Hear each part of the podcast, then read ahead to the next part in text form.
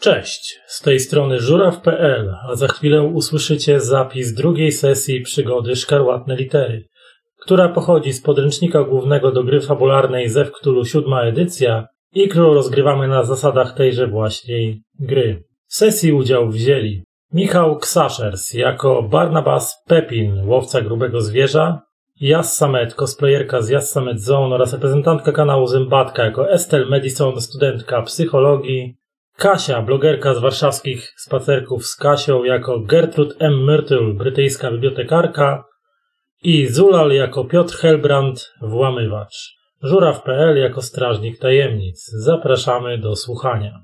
Cześć, witam wszystkich serdecznie z tej strony żuraw.pl. Witam na drugiej sesji przygody Szkarłatne Litery do Zewu Cthulhu siódmej edycji, którą sobie dzisiaj będziemy dalej rozgrywać. Ze mną są oczywiście moi wspaniali gracze i tak popatrząc po layoutie zacznę od Michała Ksaszersa, który wciela się w Barnabasa Pepina. A? E, Barnabas Pepin jest e, z zawodu łowcą grubego zwierza, ale dzisiaj po prostu bardziej cywilizowany sposób będzie występował e, na dzisiejszej sesji. Obok niego jest Jas, cosplayerka z Jas Summit Zone oraz reprezentantka kanału Zębatka. Pozdrawiamy Aronda i całą resztę. Dalej jest Kasia, blogerka z warszawskich spacerków z Kasią oraz miłośniczka komiksów, która wciela się w bibliotekarkę Gertrude M. Myrtle. Zapomniałem jeszcze dodać, że e, e, Jas wciela się w Estelle Madison, e, studentkę jakiego kierunku myśliłaś? Tak, psychoanaliza. A, studentkę psycho, e, psychologii e, i, I jest psychoanalizy. Mhm. przewodniczącą e, samorządu studenckiego Uniwersytetu Miskatonic. Więc ważna szycha. E, ważna szycha. Na końcu jest Zulal, który wciela się w Piotra Helbranta. I Piotrze, przypomnij, jakim zawodem się parasz na dzisiejszej sesji? Można powiedzieć, że mechanik ślusarz. To jest tak naj, najprostsze do określenia. To kto przypomni, co się działo na ostatniej sesji? Mm, mm, mm.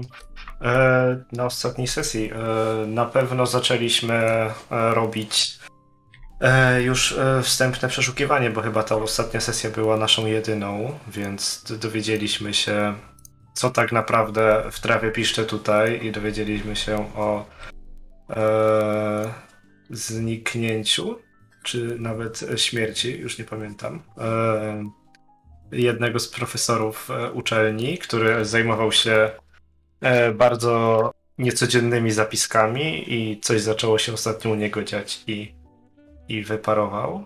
I zapiski na pewno wyparowały. I to jest największe nasze zmartwienie, że zapiski. Nie, o, jego ciało jest, zapiski wyparowały. Jego ciało jest i nawet leży Po martwe. prostu zmarł. O, tak nawet ma, po prostu to jest mało powiedziane, bo tak w jakiś e, dziwny sposób zmarł. e, Tam oczy miał chyba wypalone, więc. Tak. E, No mało- nie, nie, nie, nie wypalone, wygotowane. Tak, więc mało codzienny sposób na śmierć. E, No i właśnie badamy sprawę, że coś jest nie halo i ostatnio zdążyliśmy tylko tak naprawdę porozmawiać e, z jego asystentką, która wydawała się przejęta z tego co pamiętam i chyba wiele nam ciekawego nie powiedziała, oprócz tego, że na pewno ostatnio miał zmieniane e, e, te zamki w drzwiach i miał ostatnimi dniami paranoję i, i, i jakieś dziwne telefony miał w gabinecie jak byliśmy. I lustro zachowywało się dziwnie i Barnabas też się tam dziwnie zachowywał. To w ogóle jakby wybuchło, tak. Takie sprawiało wrażenie.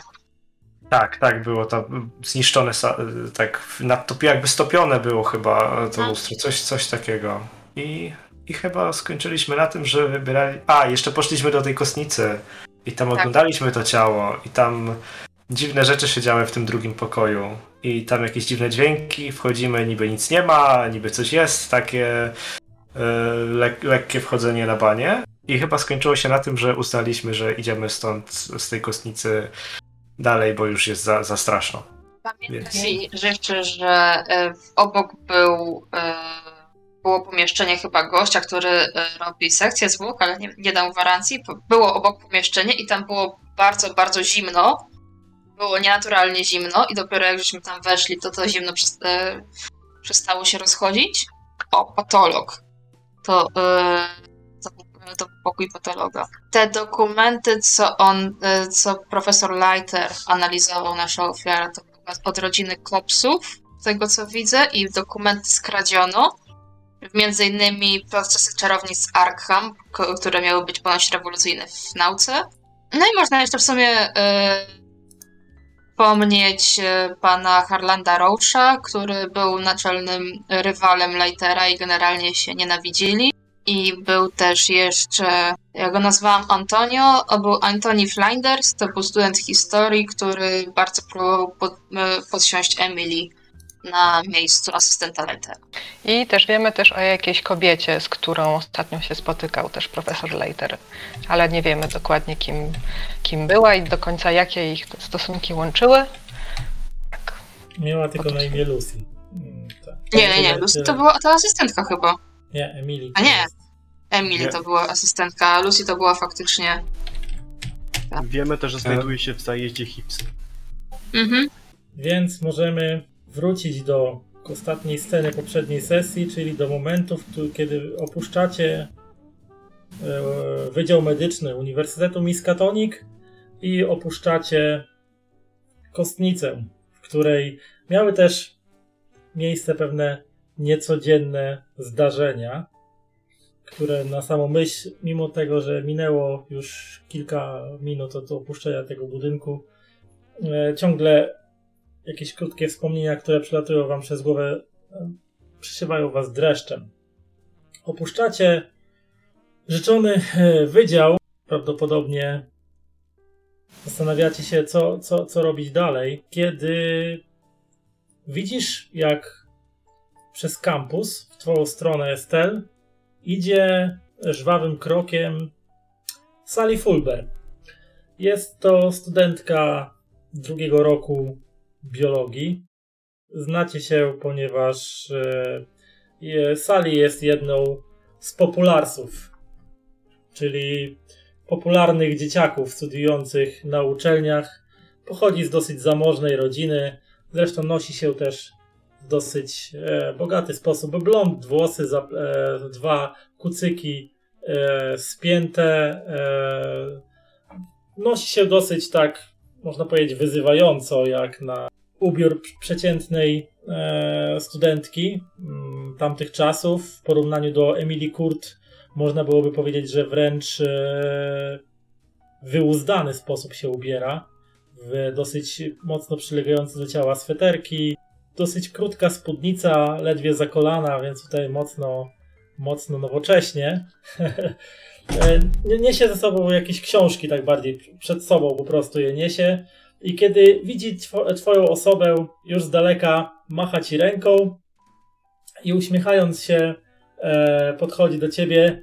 E, cześć Estel. Cześć Estel. I tak się przygląda ciekawie, szczególnie długim, powłóczystym spojrzeniem e, wędrując przez Barnabasa i Piotra. E, uśmiechając się przy tym e, delikatnie, ale Estel, e, mam do ciebie prośbę, mam do ciebie sprawę. Moglibyśmy porozmawiać na osobności? Nie wiem, Mike cię rzucił, że chcesz ze mną na osobowości porozmawiać? Nie, to nie chodzi o Majka, to bardziej, bardziej uczelniane sprawy. A, dobra, jasne, bo kiedyś przyjdą do mnie ludzie faktycznie po prostu pogadać. E, państwo wybaczą, moi drodzy, sprawy, obowiązki i tak dalej. Spotkajmy się może przy głównej bramie za 15 minut. No, no dobrze, tak będzie. No co tam, Sali? E, ona tak odwraca się e, od twoich towarzyszy i rusza gdzieś, e, gdzieś przez kampus. To idę za nią. E, o, idziesz za nią, ona tak e, idzie e, w milczeniu prze, przez dłuższą chwilę, e, skręcając gdzieś e, za budynek jednego z wydziałów. E, I w końcu tak, kiedy oddaliłaś się, no myślę, że na jakieś kilkaset metrów od e, swoich współtowarzyszy, ona tak się odwraca do ciebie. E, Wiesz co, Estel, tak naprawdę to to, to nie ja i tak szczerze się, to nie ja chciałem z tobą porozmawiać. I w tym momencie e, słyszysz jak z pomiędzy e, krzaków, jakichś tam hortensji czy czegoś e, rosnącego e, na tutaj takim dużym klombie różnych e, roślin, różnych krzewów. E, wychodzi ubrana w ciemny strój postać Antoniego Flindersa, który podchodzi do ciebie z poważną miną, kończąc, do, e, wyrzucając niedopałek papierosa gdzieś na bruk kampusu. Tak naprawdę to ja chciałem z tobą porozmawiać, Estel. Ej, naprawdę, Antonio, twoja męska odwaga kazała ci się wysłużyć słodką z sali, e, żeby ciągnąć mnie na rozmowę. Mógłbyś podejść od razu.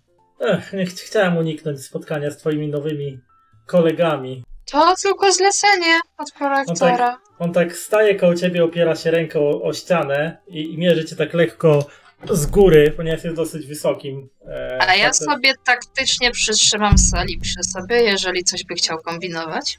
E, To sen kochanie. Aj nam towarzystwo. Bardzo lubię twoją obecność.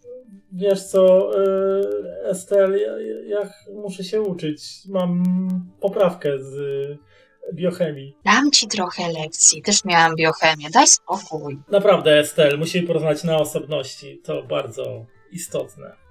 A mi się bardzo nie chce z tobą rozmawiać na osobności. Widzisz, jak e, posyła takie miażdżące spojrzenie Sarze, która widzisz truchleje, truchleje w środku. A ja ją cały czas głaskam, żeby się uspokoiła. Ostrzejsze spojrzenie to rzucam Antoniu. Estel, to jest poważna sprawa. Tyczy się tego, co robisz dla Falona. To rozwiń się wreszcie, o co ci chodzi. Sali też może tego posłuchać. Nie, Sali nie może tego posłuchać. To są rzeczy, że ukrywasz przed naszą wspólną koleżanką jakieś tajemnice, rzeczy, które nie mogą y, usłyszeć nowi ludzie. No dobra, są rzeczy, których mogą nie usłyszeć nowi ludzie, przyznaję, ale naprawdę już Sali nie, Sali nie jest moją koleżanką, po pierwsze, tylko była winna mi przysługę, z której się wywiązała, więc teraz może iść do domu. Bezceremonialnie właściwie wchodzi tak między was i zdejmuje twoją rękę z jej ramienia i tak ją odtrąca, Sali odkręca się napięcie i tym czasowo się ulatnia. ja też odejdę tak, żeby być poza zasięgiem jego ramion. On zastępuje ci, zastępuje ci nie, nie, nieładnie drogę. Estel, to jest bardzo, bardzo ważne. Eee, Dobra, ale ja nie chcę, żeby był aż tak blisko mnie, wiesz, to jest jednak trochę niekomfortowe. Jakbyś stanął tak dwa kroki dalej, byłoby mi naprawdę przyjemniej. Dobrze, ale nie komplikuj już tej sytuacji poza tym, że ona jest już tak bardzo skomplikowana. To ty jesteś tak bardzo skomplikowany. Ech. Dobrze, niewa- nieważne. Jestem pewien, że Falon e, zlecił ci zajęcie się sprawą e, Leitera i tych zaginionych papierów, prawda? Połowa uczelni mnie o to podejrzewa. Ludzie, dajcie mi się też uczyć. Ja w tym roku bronię dyplom. Estel, czy ty masz mnie za idiotę? A czy ty masz mnie za która wie wszystko? To są rzeczy, które robi policja. Co ja mam Mhm. z, z tym wspólnego? Mogę z policją pogadać to wszystko. O, oboje dobrze wiemy, że Falon spławił policję, bo nie chce narażać szkoły na szwank. Te papiery zginęły i tak samo jak ty chce je odzyskać. Czy ja interesu w tym, żeby je odzyskać, to mam tylko takie, że lubię tą uczelnię i fajnie by było, żeby ta uczelnia dalej miała dobre imię. A mnie te papiery to tak nie, niezbyt. A, Także a ja mam dużo większy interes w tym, żeby je odzyskać, ponieważ są mi bardzo, bardzo potrzebne. Widzisz, piszę pracę magisterską, ale ten chujek Leiter nie pozwolił mi do nich się dostać i ich przejrzeć. Więc Dobra. Poczekaj, poczekaj. Piszesz pracę magisterską, obrałeś te- temat tak, dawno temu e, i chciałeś wejść w papiery, które jeszcze nie są uchwalone na ogólnej Radzie Historyków. Nie wiadomo, czy one są zgodnie z historią, ty, a ty chciałeś mimo wszystko zaczerpnąć je do swojej pracy na relatywnie niskim poziomie, bo praca testowa dla nowych dokumentów powinna być już pracą doktorską. Wydaje mi się, że twój promotor mógłby nie być zadowolony, żebyś ty w ogóle po to sięgał. Moja praca magisterska jest naprawdę bardzo ciekawym tematem. Piszę o czarownicach z Arkham, a wiem, że Leiter miał tam dokumenty ze słynnych procesów czarownic, więc to jest arcyważna dla mnie sprawa i arcyważne dokumenty. Gdybym je tylko dostał, moja praca magisterska, on naprawdę byłaby po prostu cycuś, glancuś i czymś wspaniałym. Myślę, że to byłaby publikacja na miarę przyszłej pracy doktorskiej, które mógłby rozwijać, więc Okej, ja ich Nie- mam. ale możesz szybciej do nich dotrzeć niż ja, ponieważ masz oficjalne pozwolenie Falona, więc chciałbym... Ale to ty sobie Hmm. powiedziałeś, że ja mam to pozwolenie Falona. Dobrze, Ludzie tak Estel, mówią, ale ja tak nie mam. Estel, twoim nieładnie, przestań pierdolić. Pierdolić, ubzdurałeś sobie sprawę jakąś, ubzdurałeś sobie jakąś wersję, myślisz, że ja mam coś z tym wspólnego? Nie. Przyjdę do Falona, powiem mu, co ma powiedzieć do mediów, żeby w miarę siedzieli cicho, bo jak tam tu we- wejdą dziennikarze, to policja nic nie znajdzie, ani pracownicy nic nie znajdą, ale to pracownicy są w to wszystko zamieszani. Ludzie, ja jestem studentką. Dobra, może tak. Może pójdziemy na pewien układ. Jeżeli dostaniesz te papiery, dasz mi je przejrzeć. A ja ci pomogę w jakiś sposób. Jeśli dostanę te papiery, okej. Po- e, Ale bierz pod uwagę, że ja ich nawet nie szukam. I są mi tak po nic, więc nie mam powodu, żeby ich bardzo szukać. No jak po nic, skoro Falon piekli się dwoje i troje, żeby tylko udawać, że te papiery mu nie zginęły, więc o czym ty gadasz? No, cho- co? To, że Falon dwoi się i troi, żeby je znaleźć, to jest, myślę, oczywiste, ponieważ e, uczeli to zginęło, ale z tego co wiem, nawet nie robi e, wielkiej ściepy studenckiej, żeby wszyscy nagle tego szukali. Hello! Nie, nie mam takiego zadania od Falona. Nieistotne. Czy dasz mi dostęp do tych papierów, kiedy tylko je znajdziesz? Jeśli, Jeśli je je znajdziesz. znajdę. Okej. Dobra, to powiem ci coś, co może pomóc ci w tej sprawie. Wiesz, że ten chujek Leiter miał dupę na boku i to kuźwa prawie w naszym wieku. Sprawy prywatne. O ile nie była studentką, to co mam zrobić z tą informacją? Co ta kobieta miała te papiery?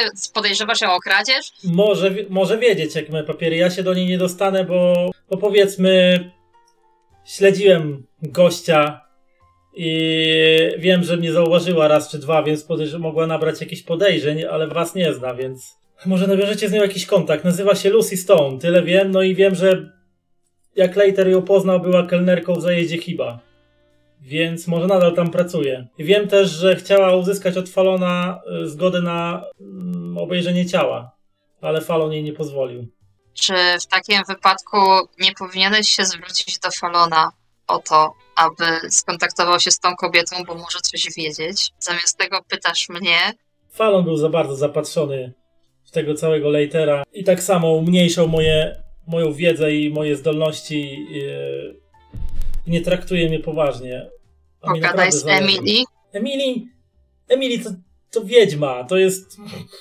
W ogóle daj spokój z Emily. Ja, najchętniej to udusiłbym ją gołymi rękami. Ja tam Myślisz- piję z nią myślisz, herbatkę, że- jest sympatyczną myślisz, dziewczyną. Myślisz, że kto y, zabrał mi stanowisko asystenta Leitera, jak nie ona? Znaczy, to Emily. ona mi mówiła, że się o to straszy, ale jakby wydaje mi się, że macie teraz wspólny interes w znalezieniu tej pieprzonej książki. Jaki wspólny interes ona mnie nie znosi? Zresztą ja jej tak samo nie znoszę. No taki, że szukacie tej samej książki, ale dobra, cokolwiek. Dobra, słuchaj, widziałeś tych ludzi. E, Piotra pewnie poznajesz. Reszta jest akurat e, konieczna do wprowadzenia nowe, e, nowych badań na uczelni, więc jeżeli pozwolisz, ja po prostu idę ogarniać rzeczy. Dobra, ale pamiętaj, będę miał cię na oku. I tutaj ten o, wyciąga, e, wyciągnął papierosa gdzieś tam z kieszeni, wsadził sobie w usta i zapalił i ten e, szybkim krokiem oddala się gdzieś tam w swoim kierunku. E, przeskoczymy teraz do e, Gertrud, e, Barnabasa i Piotra. Estel, odciągnięta przez koleżankę, e, udała się gdzieś, gdzieś na bok. Zostajecie na kampusie, na kampusie sami. Co, co, co byście chcieli robić? Czekacie na nią, czy gdzieś idziecie w jakimś konkretnym kierunku? Coś planujecie? Znaczy na pewno mieliśmy się spotkać przy tej bramie. Nic więcej w obrębie nie było tam te mieszkania, bo chyba do mieszkania się tam powoli kierowaliśmy, żeby zobaczyć, nie? Taki był chyba ostatni plan. Czy... Mamy jeszcze tu pytania tego drugiego e, tego profesorka. No, Tak, który chciał tak. zastąpić litera. Czemu nie? Można do niego Jeżeli ewentualnie uda się go złapać, to możemy do niego zaskoczyć. Mhm. Okej, idziecie mm, przez kampus i widzicie, widzicie taką scenę. Z budynku wychodzi e, tego administracyjnego, w którym mieścił się, e, mieści, mieszczą się biura, mieści, mieści się biuro prorektora, mieścił się gabinet Leitera. E, wychodzi Emily. Mm, Zbliża się już pora, pora lunchu, więc być może udaje się, udaje się na lunch.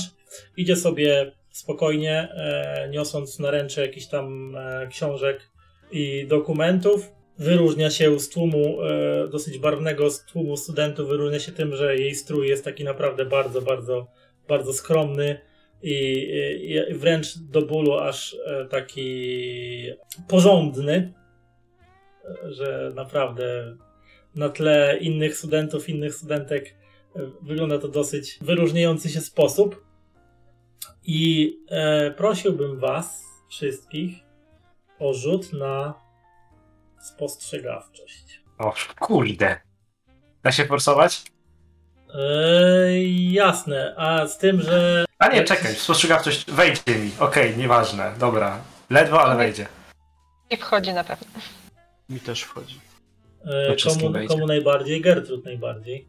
Ale zasadniczo nie ma to chyba jakiegoś znaczenia większego. W każdym razie zauważasz, że w pewnym momencie, jak tak Emily e, przychodzi pod, e, w cieniu jednego z budynków kampusu, zauważacie, jak e, z dachu jednego z, tych, z, z tego właśnie budynku zauważacie ruch, który w momencie, kiedy rzucacie takim ostrzejszym spojrzeniem na to, co, e, co, tu, co tu się dzieje, widzicie, jak jedna z dachówek ukrywających dach budynku odrywa się i widzicie, jak tak sunie niebezpiecznie w kierunku krawędzi, krawędzi dachu. I tak rzucacie okiem na zsuwającą się dachówkę, widzicie idącą e, pod, w, w tym samym kierunku mniej więcej Emilii idącą na dole i serca podjeżdżają wam do gardła, bo momentalnie w mózgu jakieś sprzężenie podpowiada wam, że za chwilę może zdarzyć się nieszczęście. I dachówka jesteśmy- spadająca z dachu może trafić kogoś idącego gdzieś na dole. Co robicie? A jak, jak blisko jesteśmy na tyle, żeby się tam rzucić i tak watch No, out! nie wiem, z 20 Czy bardziej, metrów, żeby krzyknąć. 20 parę. No to... hmm. Nie no, to 20 to dużo. Nie no, to Darcie raczej mordy. darcie mordy. Tak, e, pewnie e, churalnie, odruchowo, wszyscy w jednym momencie. Tak, uwaga! Tak, Dach się sypie! Emily! Patrz w niebo! Albo nie Em. patrz. Emily! Eee, dobra, no to w... co No, proponujecie? znaczy na- jednocześnie wykonując ruch, bo w sensie... no, Tak, biegnąc tam, krzycząc, machając No rękami, biegnąc w tamtą stronę, na ile się wyrobimy, nie? Zaraz Okej. całą czwórką wpadniecie pod tą jedną dachówkę. I my, będzie amortyzacja. e, Nie wiem, nie macie żadnych jakichś takich oratorskich zdolności typu, nie wiem, krzyczenie Gadanina. na gadaninę. Nie, żeby przekonać dachówkę, żeby nie No, to rzućcie na. E. e, Rzućcie może na kondycję. Czy, wy, czy Okej. z waszych gardeł do, do, do, ten wys, mocny okrzyk się wystarczająco. No nie wiem, w zależności właśnie na co właśnie rzuciłam. Eee, Kurde, coś nie, nie, leżą, nie leżą dzisiaj rzuty. Eee, Piotr ma chrypkę dzisiaj. tak, unik, tak, ja też. to unik to byłby mój, a nie to, żeby... Nie, no twój, twój. Dobra, no bo perswazja, no to... Hmm, perswazja by się nie Gdyby, przyda. gdybym miał, mógł Myślę, mieć na ze czystą, sobą na czystą mentalną... kondycję, czy wasze płuca są wystarczająco wydolne. Nie, u mnie niestety nie, nie weszło. No, myślę, że płuca Gertrud mogą dać radę. Czyli weszło. Jeżeli, nie wiem, no, no nie wiem, jeżeli na, jeżeli na, załóżmy tą perswazję, no to weszło, bo mam 25, chyba, że na jakąś inną cechę. E, Na Nie kondycję no, masz na więcej, kondycję czystą, to masz więcej. Kondycja, a gdzie jest kondycja? E, w A, to główne cechy. 70. Dobra, widzę, to- widzę, 70, no to weszło. Piotrowi też weszło, czy nie? Nie, A, nie, nie, nie. tylko No, To Gertrude. raczej wyglądało tak, Więc że Piotr tylko- i Barnabas próbują coś powiedzieć i w tym momencie Gertrude po prostu takim okrzykiem. Piotra Obu i nas Barnabasa zagłusza, tak. złapała jakaś chrypa. Wiesz co, ja mogłem się zakrztusić e, tym e, cygarem, tak wiesz, tu pociągam akurat i tak w płuca pełne dymu i tak próbuję coś powiedzieć, ale nie wyszło. I tylko ponad, e, gł- ponad tłumem rozlega się okrzyk Emily! Tak. E, wy, wyrzucony przez. Uważaj, nie? Watch out! E, ten. Emily tak staje, staje w miejscu jak wryta, zaczyna się rozglądać na boki, szukając źródła tego okrzyku i w tym momencie dachówka z dachu i tylko w tym i rozbija się y, centralnie krok, dosłownie krok, krok przed nią. Gdyby postąpiła sekundę krok do przodu, no to wylądowałaby jej na głowie. Ona tak w takim szoku po prostu cofa się do tyłu i ten, i potem po chwili jeszcze wy, wy- wypuszcza niesione przez siebie książki e, i dokumenty, które rozsypują się jej e, u, u stóp. Wiesz co, ja podbiegnę i będę starał się pomóc jej zbierać te dokumenty i książki, przy okazji oczywiście bardzo lustrując, co tam miała w rękach. Podbiega Ale, ale się. podbiegamy już, tak, ale... Tak, bardzo- bardzo, bardzo pomocny, tu schylam się, gentleman, ale oczywiście wszystko patrzę, tak składam na ręce. Więc e, widzisz, że ona niesie przede wszystkim e, jakieś tam swoje książki, jakieś tam z zakresu historii, ale też widzisz część najprawdopodobniej dokumentacji e, wspomnianego, wspomnianej rodziny Kobów, która została e, powierzona uniwersytetowi, więc może niosła sobie po prostu część swojej pracy do domu. W każdym razie miała pomieszane właśnie swoją pracę, dokumenty związane z pracą razem z rzeczami ewidentnie studenckimi, czyli jakieś tam, e, nie wiem, po, podręczniki do historii czy cokolwiek. Jasne, a czy to nie... Czy to te, te, te wszystkie książki, to one były na stanie, czy to nagle nie jest jakaś cudownie znalezione, to, to jeszcze, czy jakieś notatki? Czy te one były już wcześniej i wiemy, że one nie były zaginione, to co ma? Mm, Tutaj. Znaczy z, ze słów Falona to wiecie, że on głównie wspominał o zaginięciu procesów czarownic z Arkham, a czy coś jeszcze zginęło, tego nie mówił, więc ciężko ci powiedzieć. Czy to jest odzyskane, czy to, czy to już to, co było powierzone wcześniej, po prostu nad tym pracowała Okej. Emily. Ona w każdym razie też Okej, schyla to się, kłóca, No no. kuca, żeby pomóc ci zbierać dokumenty i tak kiedy dajesz te naręcza jakiś tam kartek, to ona to zbiera i, i z, z lekko taką spuszczoną głową e, ci dziękuję, że, że ten, że pomogłeś. Trzeba zgłosić zgłosić prorektorowi, że, e, że dach wymaga naprawy. To już, to już któryś raz. To już któryś raz. No, zdecydowanie. Agresywne są te dachy ostatnimi czasy. Proszę na siebie uważać. To panią tak cały czas spotykają takie, Nie. takie wypadki?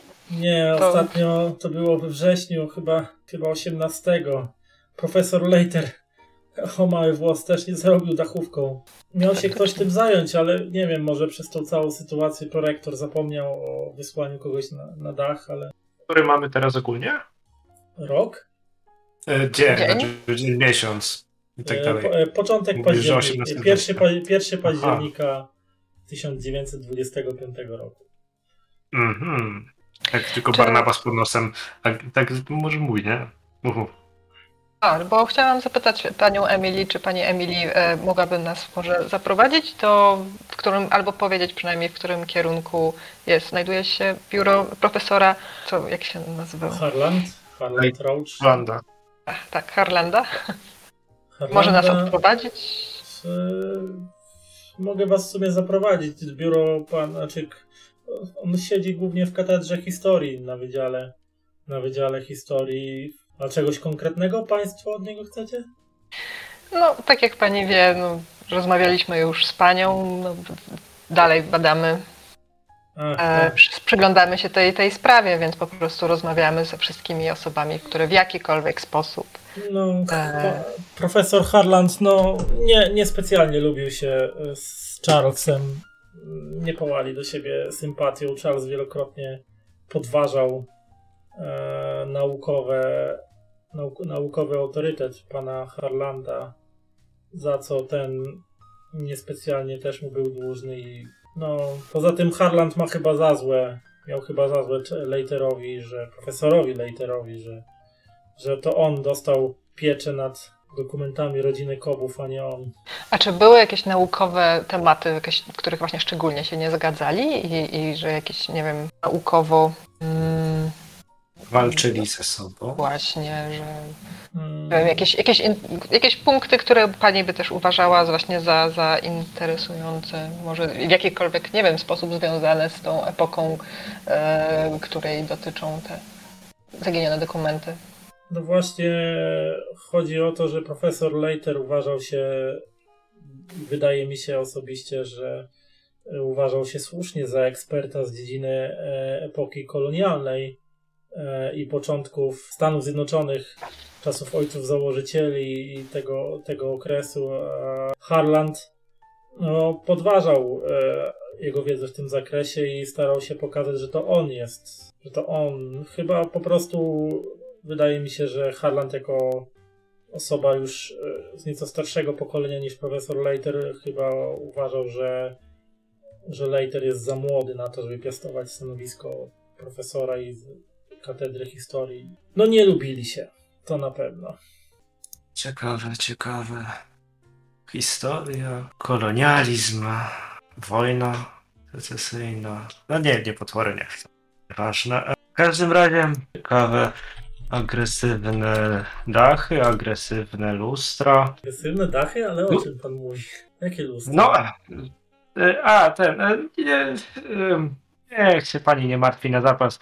My się zajmiemy całą sprawą, ale no jak pani e, zdążyła niestety zauważyć, no idąc sobie zwyczajnie po uczelni można można stracić głowę. I to nie tylko dla niej, ale przez nią, więc ciężkie czasy nastały. Musi pani na siebie uważać, szczególnie po tym, co stało się z profesorem. Tak, e, niech pani sama nie, nie, nie przebywa za często. O, tak Tak, trzyma- radził te, te zebrane rzeczy przy, przy sobie i tak mówi dziękuję za pomoc panie, panie Pepin, ale e, jeśli mam być szczera, to przeraża mnie pan, przepraszam. I, I szybkim krokiem się o, o, oddala od... Proszę nie chodzić blisko ścian. Ja tak, ja tak z lekkim tak- śmiechem, tak ale przecież ja nic nie tak zrobiłem. Głową, tak. Ja, ja tak, ja tak próbowałem, patrzę, próbowałem być miły. W tym samym czasie widzicie e, wracającą do was e, Estel. A ty Estel widzisz właśnie jak e, cała, cała trójka twoich towarzyszy e, tej całej historii e, kończy właśnie rozmowę z e, po, drugą rozmowę z Emilii, która szybkim krokiem oddala się gdzieś tam w głąb kampusu. A jej co? Jakaś taka blada się wydaje. Jak podchodzisz bliżej, to widzisz, e, że na ziemi obok e, właśnie twoich współtowarzyszy leży rozbita dachówka. Patrzę na dachówkę, patrzę na resztę, patrzę na dachówkę, patrzę na resztę. Tak Dobra. właśnie, niestety udało nam Masz się ręce? powstrzymać, powstrzymać ja. wypadek tutaj. E, Zauważyliśmy, jak dachówka spada z dachu i, i niewiele brakowało, aby uderzyła w nią Emily. Ojej! No, szczęście udało się ją. Udało się, udało się jej u- uniknąć tego nieszczęśliwego wypadku. Bardzo dobrze. Dzięki. Byłoby bardzo szkoda, Coś gdyby. Zbyt często z tego dachu spada. To jest jak. To jest o półtora raza za dużo jak na ostatni miesiąc, więc coś tu jest nie tak. Albo ktoś zaniedbuje dachy i trzeba będzie pogadać z zarządcami budynków, albo oby to było problemy z zarządzaniem. Piotrek, wiesz coś o problemach z zarządzaniem? Z zarządzaniem. Zarządzeniem dachówkami. A, W Znaczy, ogóle bywałem na dachu, ale nie dali mi się tego dotknąć, tak? Powiedzmy, bardziej siedziałem w garażu i drzwi otwierałem, ale no nie no, murarka nie jest dla mnie za bardzo. Ale faktycznie stan dachu jest e, całkiem opłakany, jeżeli o to pytacie. No i faktycznie Dobra. pamiętasz, pamiętasz historię, że faktycznie le, profesor Leiter faktycznie też mało nie zarobił dachówką gdzieś tam Mhm. jakiś czas temu, ale dokładnie nie pamiętasz, czy to było 18 września, czy to był jakiś inny. Ale. Można się pokusić, że jest to trochę podejrzane. O, jeżeli nikt nic z tym nie zrobił i czy w tym samym miejscu, w tym samym chyba, tak wnioskowałbym, przynajmniej w okolicach, był znowu taki sam wypadek, no powinno być poprawione dachy, jeżeli ostatnio prawie ktoś zginął. Albo Dobra, ktoś nie dbał o życie i zdrowie personelu, albo... To do dziekanatu, żeby pchnęli to dalej do zarządcy, bo raczej prorektor się tym nie zajmie. On jest od No czegoś nie. innego, ale żeby to do gospodarczych trafiło. Jeśli oczywiście uczelnia ma pieniądze. No nic, e, ale z ciekawości chętnie bym zobaczył, jak wygląda ten dach. Czy to w ogóle jest tak źle, jak, jak podobno jest. E, W każdym razie miejcie się na baczności. Antosiu myszkuje, Antosiu śledzi c- kogo tylko może. Yy, Zarzeka się, że on bardzo potrzebuje tych papierów, co mu zginęły. Nie wiem, czego dokładnie szuka. Yy, Jakby was śledził, to starajcie się mu zejść z drogi po prostu. A czy koniecznie musi mieć obie sprawne nogi? Tak. Proforma Wie- pytanie. Wiesz, nie lubię gościa. Jasne. Jest dla mnie bardziej utrapieniem.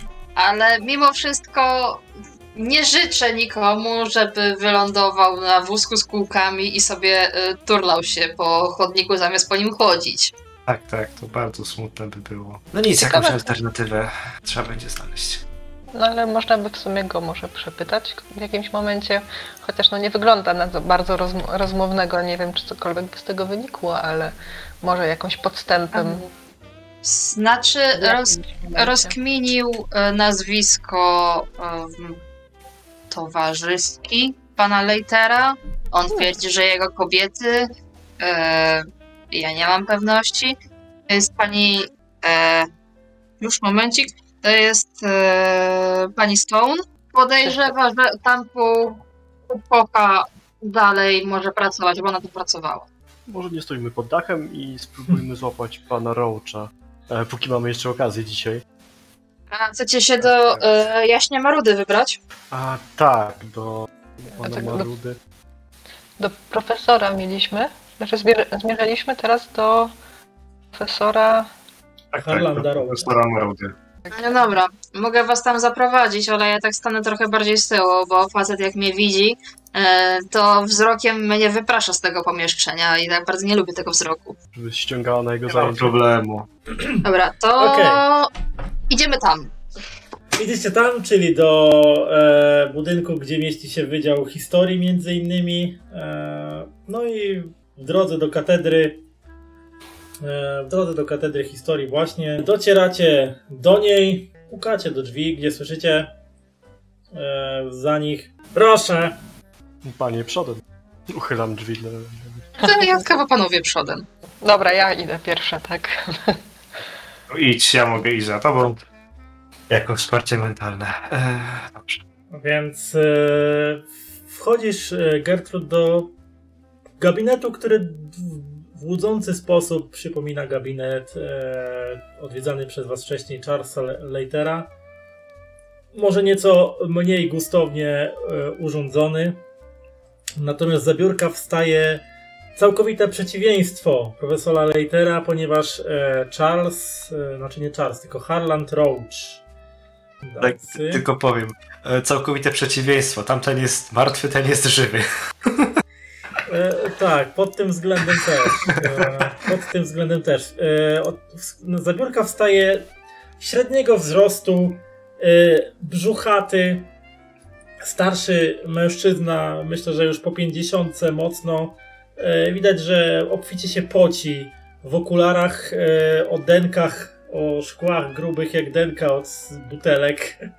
E, rzadkie, ma rzadkie, za, widać mocno przetłuszczone włosy i ubrany jest w niechlujne, ubrany jest niechlujnie, widać pognieciony, tweedowy garnitur i kołnierzyk z koszuli wydaje się być e, już przemoczony od tego potu i tak wstaje, przeciera te zatłuszczone włosy. Tak, w czym mogę pomóc?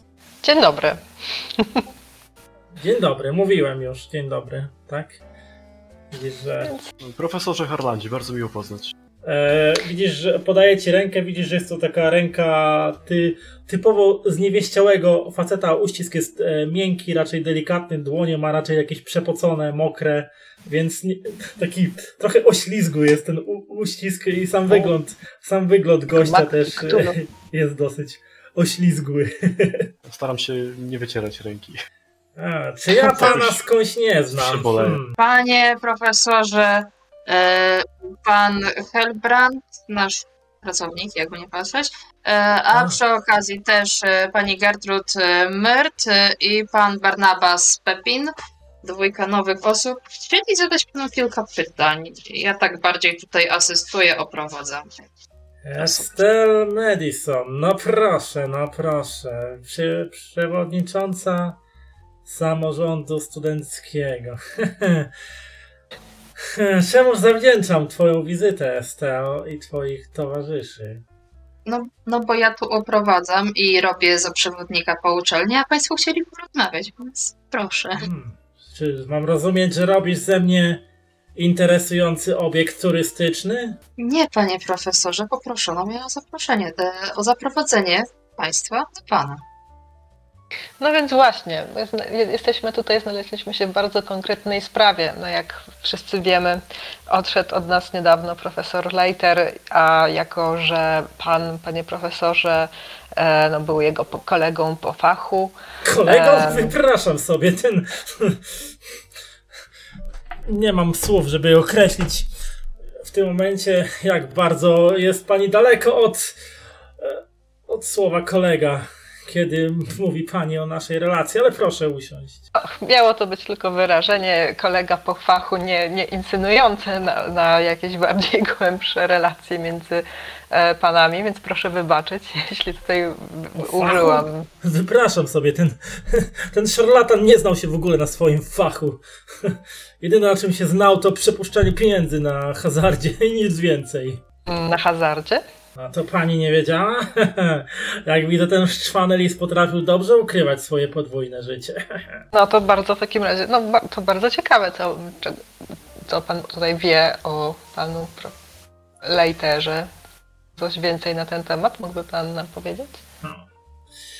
Proszę pani, Charles Later, ten niby profesor od siedmiu boleści, tak naprawdę był nałogowym hazardzistą. I to naprawdę nałogowym. Hazardzistą i z tego co mi wiadomo, zadłużonym po same uszy. Nie zdziwiłbym się, gdyby dorwała go jakaś, jakaś mafia i ten cały atak serca to była zemsta za to, że nie spłacał swoich długów.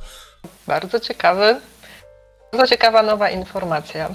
A rozumiem, czy to była tajemnica Poliszynela, czy w jakiś, jakieś innymi, w jaki sposób pan się dowiedział o tego typu, o tym drugim życiu profesora Leitera? Jak się dowiedziałem, no. Widzi pani, to Arkham to nie jest takie wcale duże miasto. I prędzej czy później wszyscy będą wiedzieć wszystko o wszystkich, a tylko ten Falon zdawał się być ślepy i głuchy na wszystko, co do niego dociera, jakby przymykał oko albo nie chciał wiedzieć, czym zajmuje się jego pupilek. Hmm, ale, hmm, later. Zna pani zajazd chyba? Chyba wszyscy No. go znają. Hmm, się tak nachylił. Tam oprócz soków i kawy można wypić też nieco mniej powszechnie dostępne napoje. Jeżeli wie pani, co mam na myśli. Ja tutaj rzucił szczególnie uważne spojrzenie na e, Piotra i na Barnabasa Pepina, po czym rozsiadł się i zaczął poprawiać nerwowo tą wymiętą tweedową marynarkę. Po chwili przetarł przepocone włosy, potem po szyi się przejechał, potem nie wiedząc co zrobić z tymi mokrymi rękami, zrobił po marynarce, przejechał. E, Ja mam tak tylko jak on zaczyna mówić o tych jakichś e, alkoholach, ja takie o nie, jak to? Dobra, mm, gdzie? Zaciekawiłeś mnie. Znaczy Piotr Eee. doskonale wie o czym e, mówi e, Harland, ponieważ Piotr bywał. Jest stąd, nie? Tak jakby. i Bywał nieraz w zajeździe chyba i wie, że w części oficjalnej pije się soczki i kawę, herbatkę, coś takiego, ale jest część, część nieoficjalna tego zajazdu, w której można się napić zabronionych przez prohibicję mocniejszych Mhm. trunków. Okej. E, Pan nie daje przybliża po sobie poznać, ale... Ale Okej. można uznać, że wie o co chodzi. Ale panie profesorze, tak e, słucham jak pan tak mówi, słucham jak pan tak wyraża swoje zdanie na temat kolegi i tego co się stało. Przepraszam bardzo, ale to nie był mój kolega, czyli mam dużo razy to powtarzać. To nie był mój kolega. To, że pracowaliśmy na jednym wydziale, to nie znaczy, że był moim kolegą. Wypraszam sobie. No właśnie, tyle tej agresji, tyle tej złości. Tyle Mi tu krwi, co mi napsuł. Motywem. Jak motywem? Sugeruje pan coś? Ja nic nie sugeruję, tylko mówię, że tak duża niechęć do jakiejś osoby może popchnąć do różnych wydarzeń.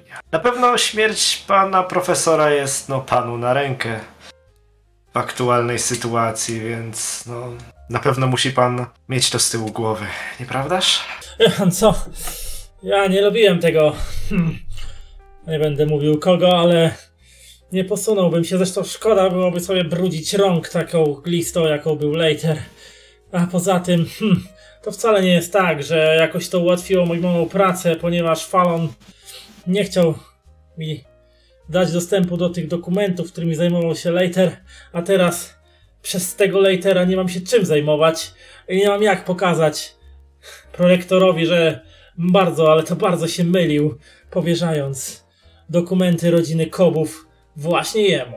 Więc zupełnie nie jest No. mi to na rękę, szczególnie, że muszę cały czas słuchać plotek na korytarzach i tych dziwnych spojrzeń twoich kolegów i koleżanek, Estel, którzy rzucają podobne oskarżenia w moją stronę. Myślę, że dobrze się z tym czuję. No tak, no tak, patrząc na pana, to faktycznie ciężko by było mieć okazję do zbrodni. Ech, no ale, no nic, no nic, to przynajmniej to wyjaśniliśmy sobie, jak na razie. Dobrze, ale nie wiem, czy ja mogę w czymś jeszcze Państwu pomóc? Myślę, że ciężko będzie wnieść coś nowego dla nas. Od Pana pana. dzisiaj- Pana dzisiaj podziękujemy. Mam jeszcze jedno małe pytanie. A mimo, że nie miał pan bezpośredniego dostępu do tych dokumentów, na pewno wiedział pan więcej niż, niż pan Felon na ich temat, tak? Jak musiał się pan tym bardzo mocno interesować. Mógłby pan może coś więcej nam powiedzieć na ich temat? Pan troszeczkę przybliżyć? Oczywiście, te materiały są, one mają, one mają wręcz niebywałą wartość historyczną, proszę Państwa, a szczególnie te, które zginęły. Procesy czarownic z Arkham to jest bardzo istotny dla naszej historii zestaw XVIII-wiecznych dokumentów, które w jakiś sposób opisują rzeczy, jakie tam się działy. Tam można znaleźć całą historię skazania słynnej czarownicy Keziah Manson, e, kilku innych istotnych, opiewanych wręcz w legendach postaci z Arkham i okolic. Po prostu te dokumenty, nie jestem w stanie wyrazić słowami, jak to jest istotne nie tylko dla Falona, uczelni i, i, i z punktu widzenia materialnego, ale to są po prostu nieoceniona wartość historyczna, która jeżeli przepadnie, jeżeli zginie, jeżeli trafi w niepowołane ręce, cokolwiek, no to strata będzie nieodżałowana, niepowetowana, po prostu aż Mam takie pytanie, panie profesorze, bo nie da się zaprzeczyć, że procesy czarownic e, i inne dokumenty, które zginęły, były bardzo dużą wartością dla nas jako uczelni i w ogóle dla świata nauki. Jednak ludzie nauki nie posuwają się do takich wyczynów zazwyczaj jak kradzieże. Wkłada wiarę, że te dokumenty są wykradzione, czy jednak, że bardziej są zagin? Wie pani co, no, jeżeli po pierwsze, kto pozwolił Charlesowi wynieść te dokumenty poza uczelnię? Ja się dziwię, że fa w ogóle na to nie zareagował, a, a po drugie, znając nałogi hazardowe Leitera, wcale bym się nie zdziwił, gdyby ten, gdyby on po prostu sprzedał je gdzieś na rynku, czarno, czarnym rynku kolekcjonerskim i nie wiem, próbował zwiać z pieniędzmi, ale to wszystko go przerosło i dostał tego cholernego ataku serca. I teraz nie wiemy, czy ktoś mu je buchnął, czy on je gdzieś sprzedał, komu je sprzedał. Nic nie wiemy. Panie Hermandzie, mam pytanie, czy w naszym mieście znajduje się taki, takie miejsce? Taka Jakie aukcja? A powiedzmy wartościowych, historycznych rzeczy, o których pan właśnie wspomniał? antykwariat. Antykwariat? Raczej do, raczej do antykwariatu nie zając. Tak, e, I nie do końca legalny antykwariat. A, okej, o tym mówisz. Antykwariatów w, Arkham jest dużo, no to jest dosyć intratny biznes, ale ja akurat Panie profesorze, wspomniał pan o czarnym rynku, że tak powiem, e, takich wartościowych rzeczy. czarnym rynku. No, istnieje takowy, ale to nie znaczy, że mamy z nim jakiś kontakt. No ja nie wiem. Wręcz pan musi mieć informacje. Młody człowieku, takie rzeczy po prostu się wie, jak się zajmuje takimi tematami jak historyczne. Tak samo jak istnieje czarny rynek broni. I czy to znaczy, że ja handluję bronią, czy wiem, że istnieje czarny rynek zabronionego prohibicją alkoholu i czy znaczy, że ja wiem coś na ten temat? Wiem, że na pewno ktoś gdzieś sprzedaje takie rzeczy. A potrzebuje pan coś kupić, czy tak tylko pan Wiedziałem. przy, przyciągnął informacje? Gdybym wiedział, kto ma procesy czarownic z Arkham i chce je sprzedać, to zrobiłbym wszystko, żeby je odkupić. Nawet zadłużyłbym się o cholernej mafii. O, daleko No może, idące może słowa. warto, ale- warto jakieś ogłoszenie stawić. Może znajdą się jacyś łowcy.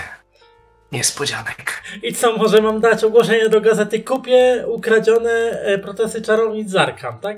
Najlepiej jeszcze podpisać nazwiskiem wtedy, żeby nikt nie pomylił się, kto komu zależy na ich znalezieniu za wszelką cenę. Czym No, się pan zajmuje, panie Pepin? Doceniam, ale z, jak tak będzie pan drażnił kolejnego pracownika uczelni, to zaraz będziemy mieć drugą tragedię związaną z zawałem serc. Kontynuujmy, drodzy panowie. Może już na razie Chodźmy. dziękujemy. Tak, e, to ja, ja wyciągam za, za, z płaszcza kolejnego cygaro i odpalam. Jeszcze w gabinecie. Choć trzy razy mówiłam, panie Barnabasie, że na uczelni nie wolno palić. Dalej ma pan to w Tak, głębokim poważaniu. Po raz pierwszy chyba zdaje się zgadzać z panną Madison, więc tak, proszę tutaj nie palić, nie, nie wolno. A, No i jeżeli widzi pani, moja osoba łączy ludzi, przynajmniej w niektórych aspektach. Państwo wybaczą, ale ta, ta rozmowa e, zabiera mi już wystarczająco dużo czasu. Ja muszę wrócić do swoich uczelnianych obowiązków. Których podobno pan ostatnio nie ma, no ale nie będziemy przeszkadzać, nie będziemy przeszkadzać. Tak marszczy brwi się patrzy na ciebie. Widzisz, jak stróżki potu gdzieś mu spływają. Ale co ma pan na myśli? Dobra, idziemy. E, e, Dziękujemy już panu za E, wiele tak. ciekawych informacji. na zewnątrz. E, Życzymy miłego dnia, popołudnia. O, A, do, do widzenia. Pewnością jeszcze gdzieś się na siebie wpadniemy. Dziękujemy bardzo. Do widzenia. Mam Dobra, nadzieję, a że tak- nie.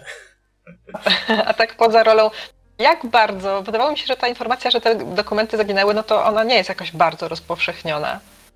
E, E, ale Jak pamiętaj, bardzo? Że pamiętam. prorektor Fallon mówił, że e, na miejscu, że ten, że właśnie Harland razem z jakimś swoim asystentem e, byli w mieszkaniu Leitera, więc on wiedział, Zresztą że... on bo- sam, on sam e, wspomniał najpierw o tym, że te dokum- e, że dokumenty przepadły, e, więc wiedział o tym, więc już pociągnęłam ten wątek.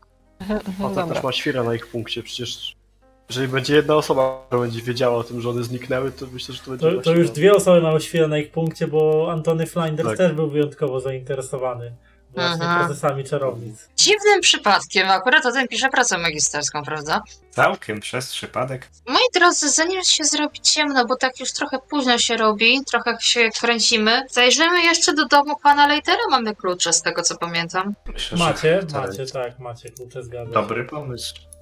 Jeśli mamy czas i blisko, to chodźmy. Im szybciej, tym lepiej, tym mniej zostanie przestawione przez ewentualną policję, czy tam coś. Czy dachów? Jeżeli się będą chcieli kręcić, tak. Tak, więc lepiej zróbmy to szybko.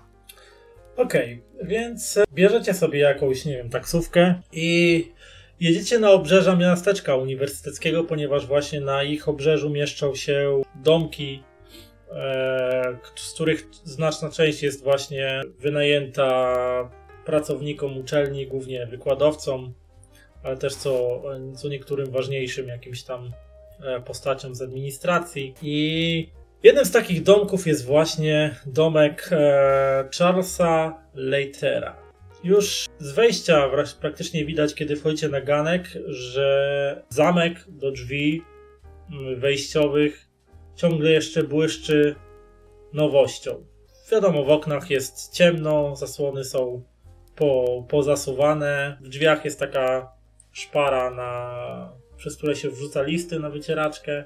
Ewentualnie można. Cicho, spokojnie. Zwyczajny amerykański domek na przedmieściu. Podziwiamy, ale myślę, że zaraz też wejdziemy do środka. Skoro Tak z zewnątrz klucze, taki może przegląd, nie wiem czy jakichś stłuczonych okien nie ma, jakichś taśm policyjnych resztek, czy co. Nie, Czy no, coś- coś- taśm coś, co policyjnych jest nie ma, no bo e, przecież pamiętacie, pamiętasz, że Fallon mówił, że zbył policję, więc policja, Tak, tak, policja łyknęła, łyknęła e, gadkę o ataku serca i dała sobie spokój z dalszymi e, czynnościami. E, Natomiast e, pobieżne oględziny nie wykazują jakichkolwiek e, oznak, mm, nie wiem, jakiegoś źle przeprowadzonego włamania czy czegokolwiek. No widać tylko ewentualnie, że trawnik no, już dawno nie był strzyżony i by wymagał przystrzyżenia. Czyli, że nikogo tutaj nie było i nikt się za bardzo nie interesuje tą posesją, żeby dopilnować jakiegoś tam porządku na niej, ale tak oględzin zewnętrznych nie, nie widać nic istotnego, co by ci jakoś przykuło uwagę.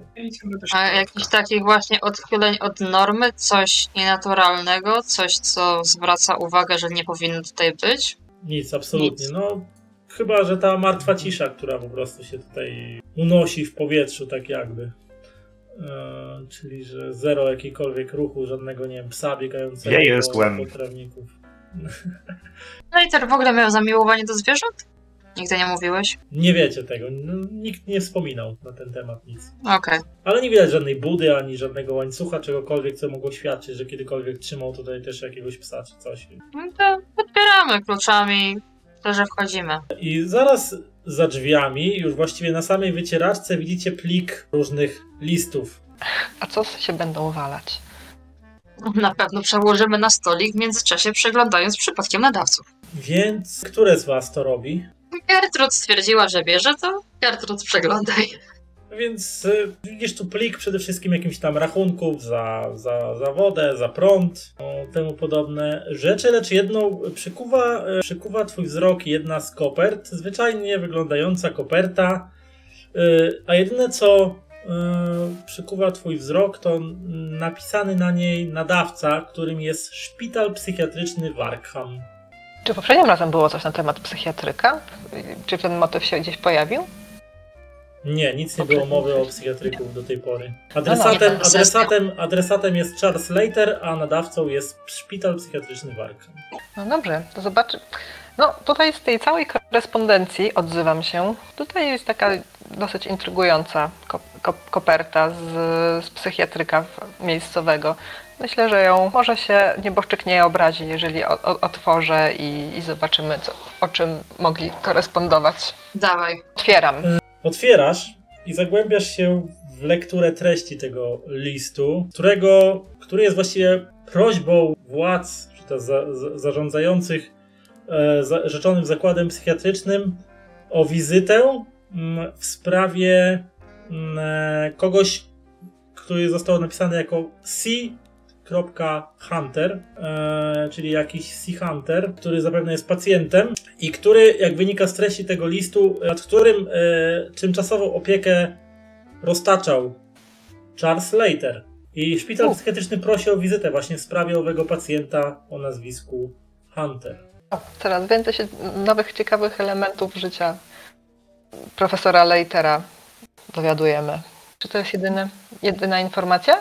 Yy, Znaczy, jedyny taki ciekawszy list z tych wszystkich? Czy Tak, no pozostałe to są jakieś rachunki, takie jakieś tam rzeczy. Upomnienia za niezapłacony jakiś rachunek. No to myślę, że tutaj ten li- list to scho- schowam do torebki. Myślę, że to będzie ciekawy trop na, na kolejny dzień. A na razie rozejrzyjmy się po domu. Okej. Więc Znajdujecie się w takim niby salonie, z którego macie przejścia do innych e, części domu, ależ też schody wiodące na piętro, ponieważ budynek jest piętrowy. To rozdzielamy się, czy chodzimy wszędzie razem? Możemy się rozdzielić. Się rozdzielić, nie ma problemu. Będzie szybciej. Nie jest nawiedzony dom chyba, więc... Oby. Nieboszczyka już ma na koncie. E, ale ale, dobra, ale nie, nie zmarł w, ty, w tym miejscu, tak? Nie, on zmarł w E, gabinecie swoim w uczelni. No, no, no, no, no, no, no. O, no to tam będzie straszczycy najwyżej. Więc nie liczy się tak. To Ja może ja i Gertrude mogę. pójdziemy na górę szukać, a wy tu chłopcy zostańcie. Coś czuję, że może ewentualnie gdzieś będzie jakaś klapa do piwnic. Poszukajcie. No, na pewno. Ukryte przejścia, zejścia, wyjścia też byśmy chcieli. Widzę, Barnabasie, że bardzo lubisz takie rzeczy. No wiesz, ja z zawodu za- zajmuję się tropieniem wieżyny w różnej postaci, więc zawsze, zawsze to jakiś dastrzyk Okej. adrenaliny przy robocie. Okej, dobra, to e, teraz tak. E, każdą, ka, ka- każde z Was e, poproszę w takim razie o rzuciki na spostrzegawczość. Nawet na jedną piątą. No nie wierzę, jeden mi zabrakło. Zawsze możesz e, wydać szczęście. Wydać szczęście. I w jaki sposób to robię? E, Wydajesz tyle punktów, ile ci brakuje do osiągnięcia sukcesu. Czyli jeden. Tak. O, czyli jeden. Okej, to wydaje. E, więc teraz tak, weszło wszystkim, czy komuś nie weszło? Minie. Okej, dobra. E, chłopaki przeszukiwali dół, a e, dziewczyny górę, tak? Mhm. Tak. Dobra, to zacznę od chłopaków. Zasadniczo y, na dole mm, nic specjalnego nie, nie, znale, nie, zna, nie znaleźliście, bo tam był to oczywiście. Jest tu kuchnia, jest tu jedna z dwóch łazienek, bo druga znajduje się na piętrze, jakiś pokój dzienny, e, gdzie można sobie odpoczywać albo przyjmować gości. Natomiast y, y, Barnabasowi, bo miałeś chyba lepszy wynik, tak? Jedną piątą. Barnabasowi e, rzuciło się w oczy e, plik prawie że spalonych w większości dokumentów e, zalegających w zimnym już od dawna wygasłym kominku. Oczywiście E, będę chciał sprawdzić. Zacząłeś tam, zacząłeś tam przeglądać, no i większość tych rzeczy no, rozspała ci się e, w rękach. Mm, Natomiast co, co dało się zauważyć, to na pewno znalazłeś jakiś fragment jakiegoś dokumentu, z którego dałeś radę tylko odczytać e, właśnie nagłówek Szpital Psychiatryczny Warkham, czyli to nie był pierwszy list, jaki z tego przybytku e, do profesora Leitera przychodził. Inną jakąś kartkę, na której była jakaś odręczna notatka, gdzie było napisane spotkanie i Lucy Stone, więc tutaj też jest to kolejna jakaś poszlaka, która potwierdza słowa e, przyniesione przez e, Estelle odnośnie informacji od Antoniego Flindersa.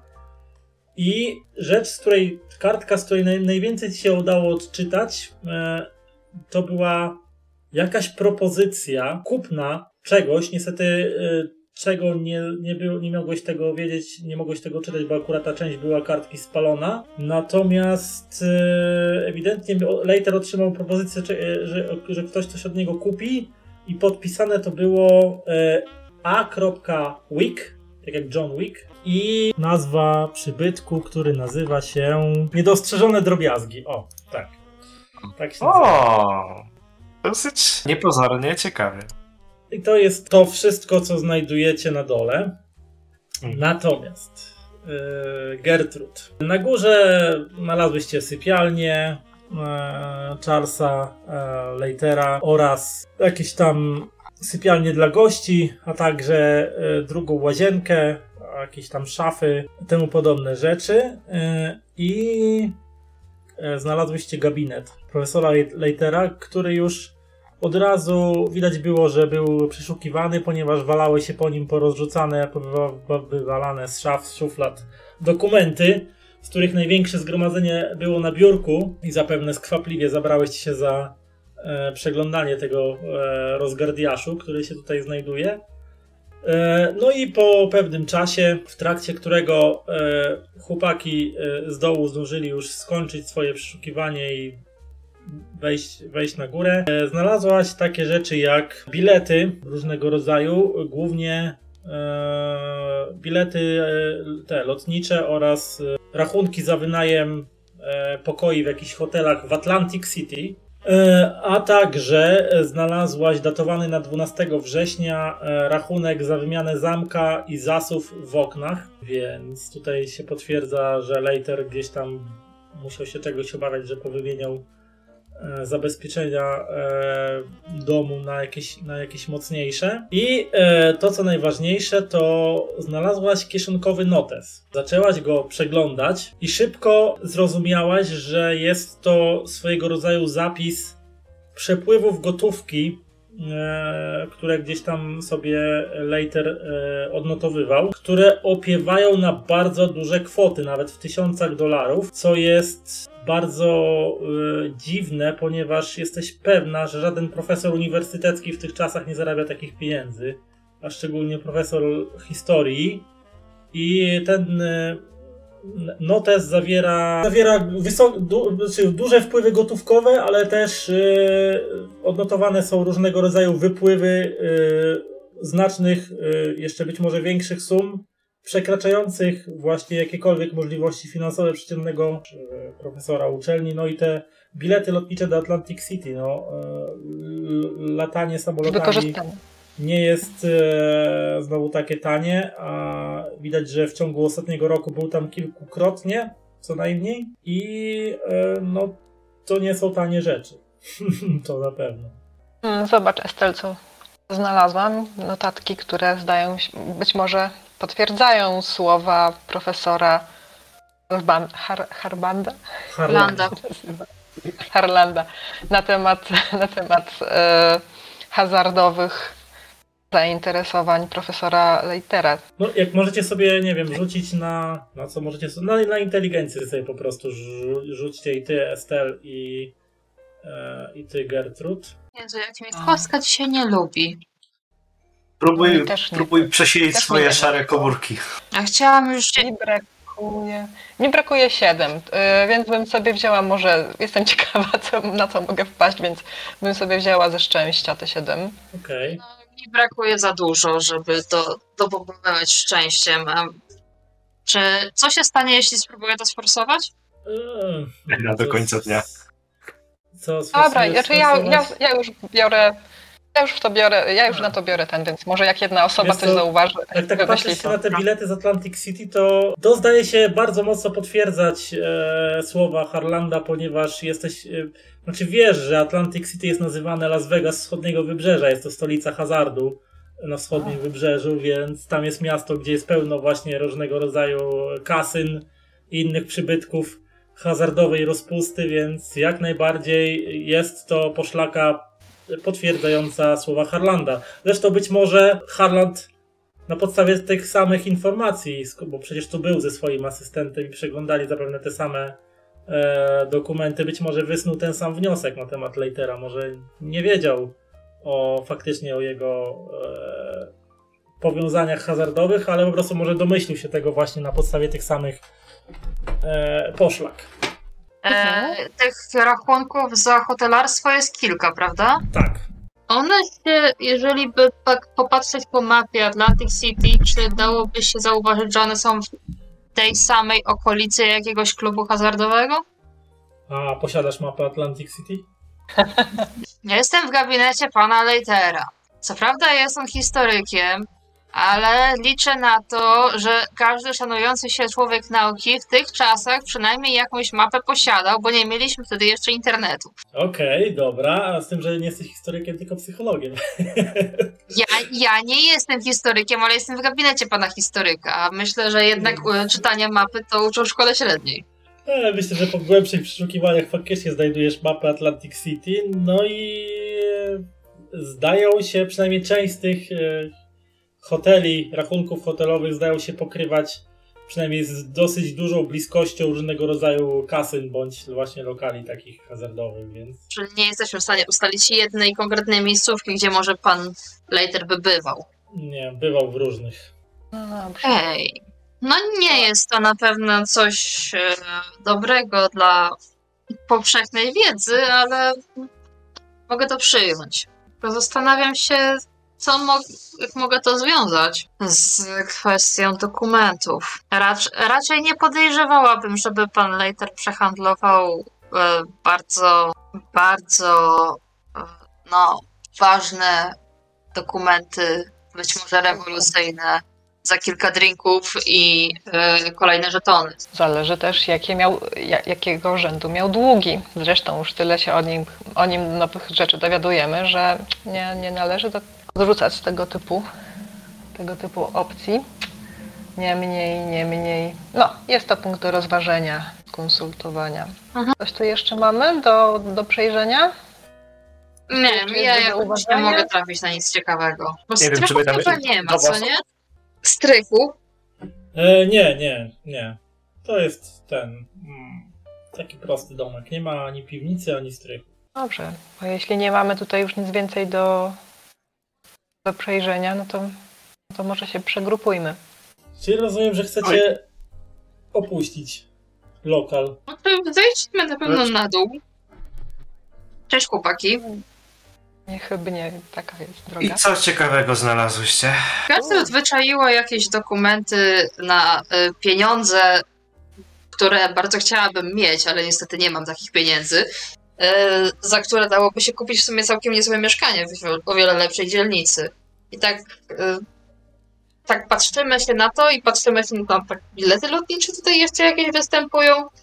Tak wychodzi taka teoria, że może jednak pan, Leiter faktycznie uprawiał hazard i o tym oczywistych względów nikomu nie mówił. Faktycznie prowadził podwój, podwójne życie i tą fasadą uważanego profe, profesora coś się jeszcze więcej em, czaiło, więc to otwiera pole do wielu nowych domysłów na temat tego, co się mogło stać zarówno z, no, z, z nim, jak i z dokumentami.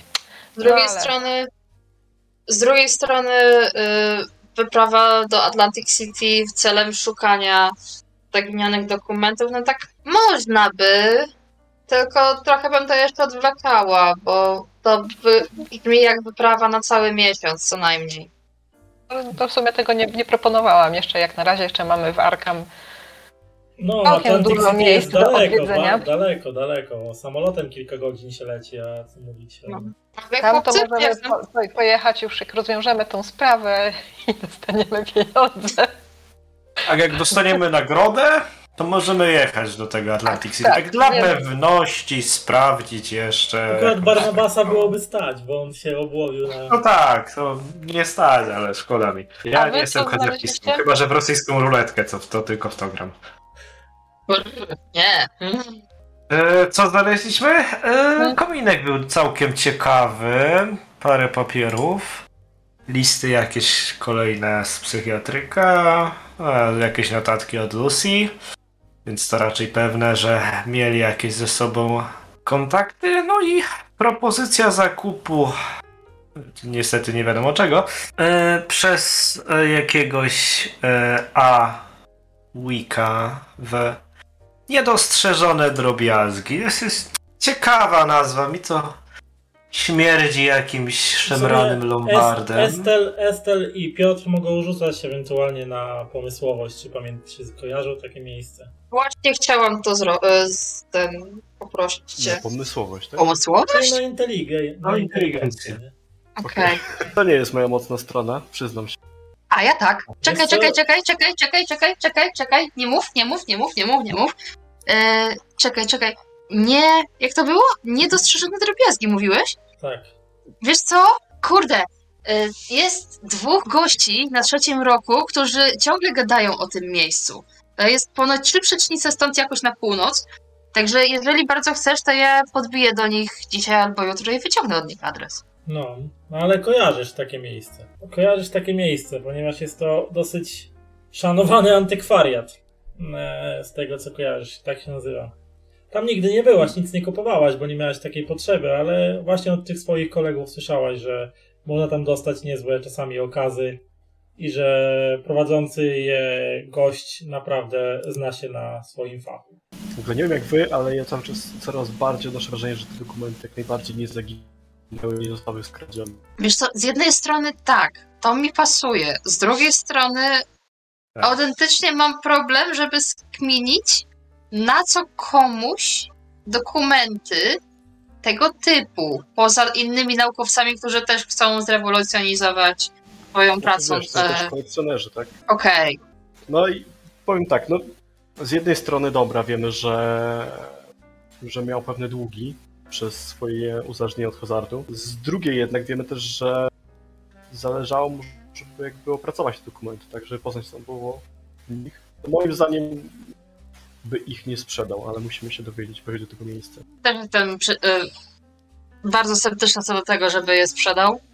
Na pewno też wykluczam, E. że Harland coś zrobił. Znaczy, wiesz co, Prawie pewny, że Harland nie byłby w stanie po prostu. facet jest tej osoby. nieprzyjemny, Mhm. ale raczej nie skalałby swojego imienia takim uczynkiem. Nieprzyjemny i dupek, ale nie wydaje się zły, że tak. Mhm. Czy dla mnie jest po prostu pizą, Myślę, dlatego że broń nie by miał mi jaj, się żeby to zniknęła zrobić. z ręki, zanim... Tak też Zanim nazwać oczywiście. Na pewno chciałby, ale nie miałby jaj, żeby to zrobić. Dobrze. Ale powiedziałeś, że w kominku był zarówno list z psychiatryka, jak i list od Lucy. I mi to rzutuje na to, że on mógł chcieć ukryć fakt. Fakt Lucy mógł po prostu chcieć ukryć, żeby nie zamieszać jej w jakieś brudne sprawy, ale zastanawiam się o tym y, chłopaku, którym się niby opiekował w psychiatryku. Czy to była aż tak istotna i paląca sprawa, żeby chcieć mm, zataić coś takiego przed społeczeństwem, czy A może to było My w ogóle wiemy, że to, że, to był, że to jest chłopak, bo chyba że mamy tylko inicjał. Tak. E, wybacz, założyłam, że to jest chłopak. Po prostu osoba. Osoba. Mhm. No tak, No, no, myślę, nie wiemy może- zupełnie.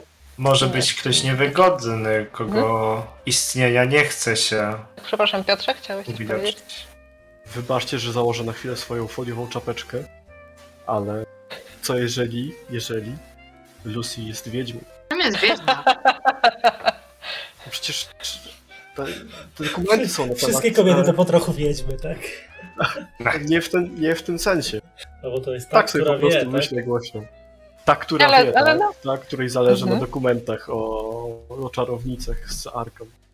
No na pewno fajnie będzie ją przepytać os- osobiście, czy ona Mhm.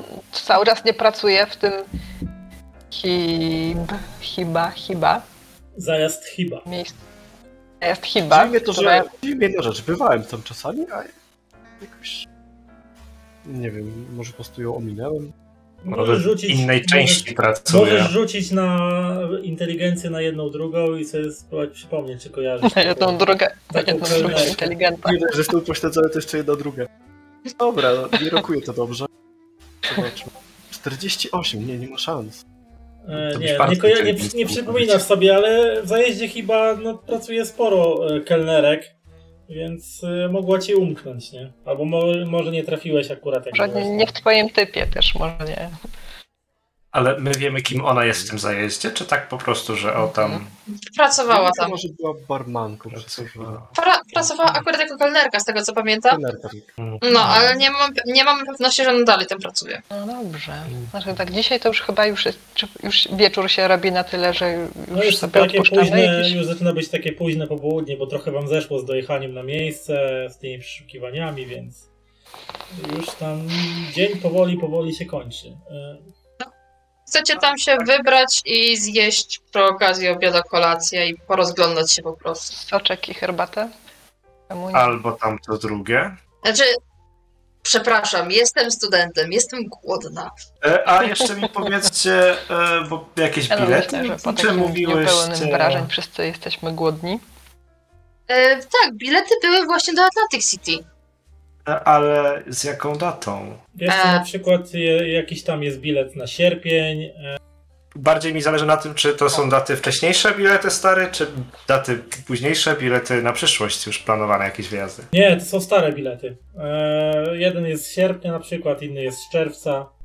Czyli stosunkowo częsty wyjazd. No, Stosunkowo. Jak na takie wyloty sobie do Atlantic City na hazard w tamtych czasach. Okej, no to choćby... O, niech będzie. E, to ja zasugeruję. No to dobrze, chodźmy coś zjeść na mój koszt. Dzisiaj stawiam. Wow. okej. Okej, zatem e, idziecie do wyjścia, chcąc opuścić e, dom e, Charlesa Leitera. Otwieracie drzwi i na ganku praktycznie wpadacie na dwóch mężczyzn. Wysokich, postawnych, o szerokich barach obaj ubrani w jednakowe szare garnitury, fedory z poszerzanym rondem opadającym na twarz, sprawiającym, że ich rysy twarzy, spod których wyłaniają się tylko zarysy kwadratowych szczęk, spoglądają na was z góry. Jeden jest młodszy, drugi jest nieco starszy. No proszę, wydaje mi się, że musimy porozmawiać. Ojoj. Ojoj. Przepraszam, kim panowie są? O czym? To nieistotne. Zapraszamy do środka i w tym momencie obaj odsłaniają marynarki, w których widać, że mają pistolety w kaburach. Mm, jest to dosyć Kusi. ciekawy argument. Nie A, mam przekonania. Mnie też. E, Barnabas tak jeszcze się lekko waha, Widzisz, spoglądają, ale... spod, spod ronda kapelusza spoglądają na ciebie e, lodowato-stalowe oczy jednego i drugiego zakapiora i widzisz, że to są goście raczej e, tacy, którzy jak będziesz podskakiwał, to ci połamią nogi, więc no nie wiem. To widzisz to na E, pierwszy rzut oka. Znaczy są... powiem tak, e, mhm, nie jasne, ja po prostu wiesz już e, Ty wiesz, z racji ty, na to, ty, ty, swoją historię wiesz, również. Rzuciłeś na nich spojrzeniem i ty wiesz, to są cyngle mafii. Na bank. Tak, nie, no ja wiem, ja też równie lodowate spojrzenie, ale tam. Nie, nie, nie, to jest tak, e, nie przerazili mnie, ale nie robię problemów, też nic e, nie, nie podskakuję. Więc oni tylko tak z obojętnością tylko tak odpalę sobie wy- cygaro wy- i... wycofuj, i wycofujecie do się środka. wszyscy do środka powoli, oni wchodzą za wami, zamykając drzwi. Ten e, młodszy staje tych drzwiach, nie odzywa się. Ten starszy e, występuje do przodu i przysiada na krawędzi komody, która stała obok, obok drzwi. Co my tu mamy? Ciekawe towarzystwo. Możecie mi powiedzieć, czego szukacie w domu profesora Leitera? A czy pan może powiedzieć, kim pan jest i co pan tu robi, panowie? O widzę, jedyna co ma cojones w tym całym towarzystwie. Widzisz, Oaks? E, Oaks tylko skinął, skinął głową. Cóż, powiedzmy, hmm, że jesteśmy przedstawicielami pewnych ludzi, którzy mają interes z panem Leiterem. Powiedzmy sobie wprost, robimy rzeczy e, zle zlecenia uczelni i mieliśmy tu po prostu po, poprzeglądać rzeczy, żeby sprawdzić, czy nic nie umknęło. Twierdziliśmy, co mieliśmy stwierdzić. My się ewakuować z panem Leiterem, nie mieliśmy za bardzo kontaktu. Kiedyś mnie egzaminował, to tyle. Interesów z nim na pewno nigdy nie robiliśmy. Tak naprawdę. A gdzie jest profesor Leiter? Nie żyje. Nic, nie. Mężczyzna się tak spojrzał na tego swojego towarzysza. Słyszysz? Ponoć nie żyje. Dobre sobie, dobre sobie. Pewnie się chujek ukrywa przed nami, Znaczy, bo mu się nie chce Nie, spłacać. widzieliśmy dzisiaj ciało, po- e, mości panie. Pan Leiter jest obecnie, obecnie jest w kostnicy. Kostnicy? w jakiej kostnicy? Na uczelni. Na uczelni. Słyszysz, Oaks? Mówią, że leży w kostnicy. No on tylko tak pokiwał głową i dalej się nie odzywa, nie? Przyznam szczerze, że jakoś wam nie wierzę. Ani trochę. Wydaje mi się, że ten cały Leiter pewnie się schował, bo nie chce spłacać zaciągniętych długów. Ale długo się przed nami nie ukryje. A nawet jeśli to, co mielibyśmy wiedzieć o tym, skoro on jest dla nas nikim? A skąd mam wiedzieć, że was tutaj nie wysłał, żebyście coś, coś dla niego odzyskali? Na przykład jakieś pieniądze, cenne dokumenty? Mogą, możemy wszyscy się ponownie udać na teren uczelni, możemy pójść do kostnicy. Myślę, że jesteśmy tutaj w stanie załatwić wejście nawet o takiej późnej po porze, tak żeby panowie mogli się naocznie przekonać, w jakim Bez stanie w tej broni chwili. akurat nie chciałabym wchodzić na teren uczelni z bronią mimo wszystko. To dość niebezpieczne. No Jak powie ci, twoja koleżanka dobrze gada. Co, Oaks, o tym myślisz? Zabieramy ich? Pokiwał głową. Dobra, Ale dobra. zabieramy ich, w jakim sensie? No, Gertrud, to są panowie, którym się za bardzo nie protestuje. Z drugiej strony dalej nie, nie podoba mi się, że wchodzą na teren uczelni dwa niebezpieczne, dwaj niebezpieczne osoby. Nie chciałabym strzelaniny wśród studentów. Nie chcesz strzelaniny, to bądź grzeczna. No, zazwyczaj w amerykańskich uczelniach to studenci strzelają. A nie Ej, ma- nigdy u- nikt nie strzelał! Pomijając jakieś tam zaszłości sprzed dwóch lat, gdzie któryś ze studentów postanowił się zabić, no ale używając do tego rewolweru swojego ojca. Ale... Przecież w No sumie dobra. dobra. Możemy im pokazać ciało, mogą sami stwierdzić, czy to jest pan Leiter. Wy panowie w ogóle wiecie, jak pewnie. wyglądał pan Leiter, czy to wasz jakiś, nie wiem, ważniejszy człowiek w organizacji wie, jak wyglądał pan Leiter? Czy tylko korespondowaliście? Za dużo pytań. Chodźmy. Patrząc się na wy wyraz ich e, jakże e, ziejącą inteligencją twarz, no tak, nie dziwię się.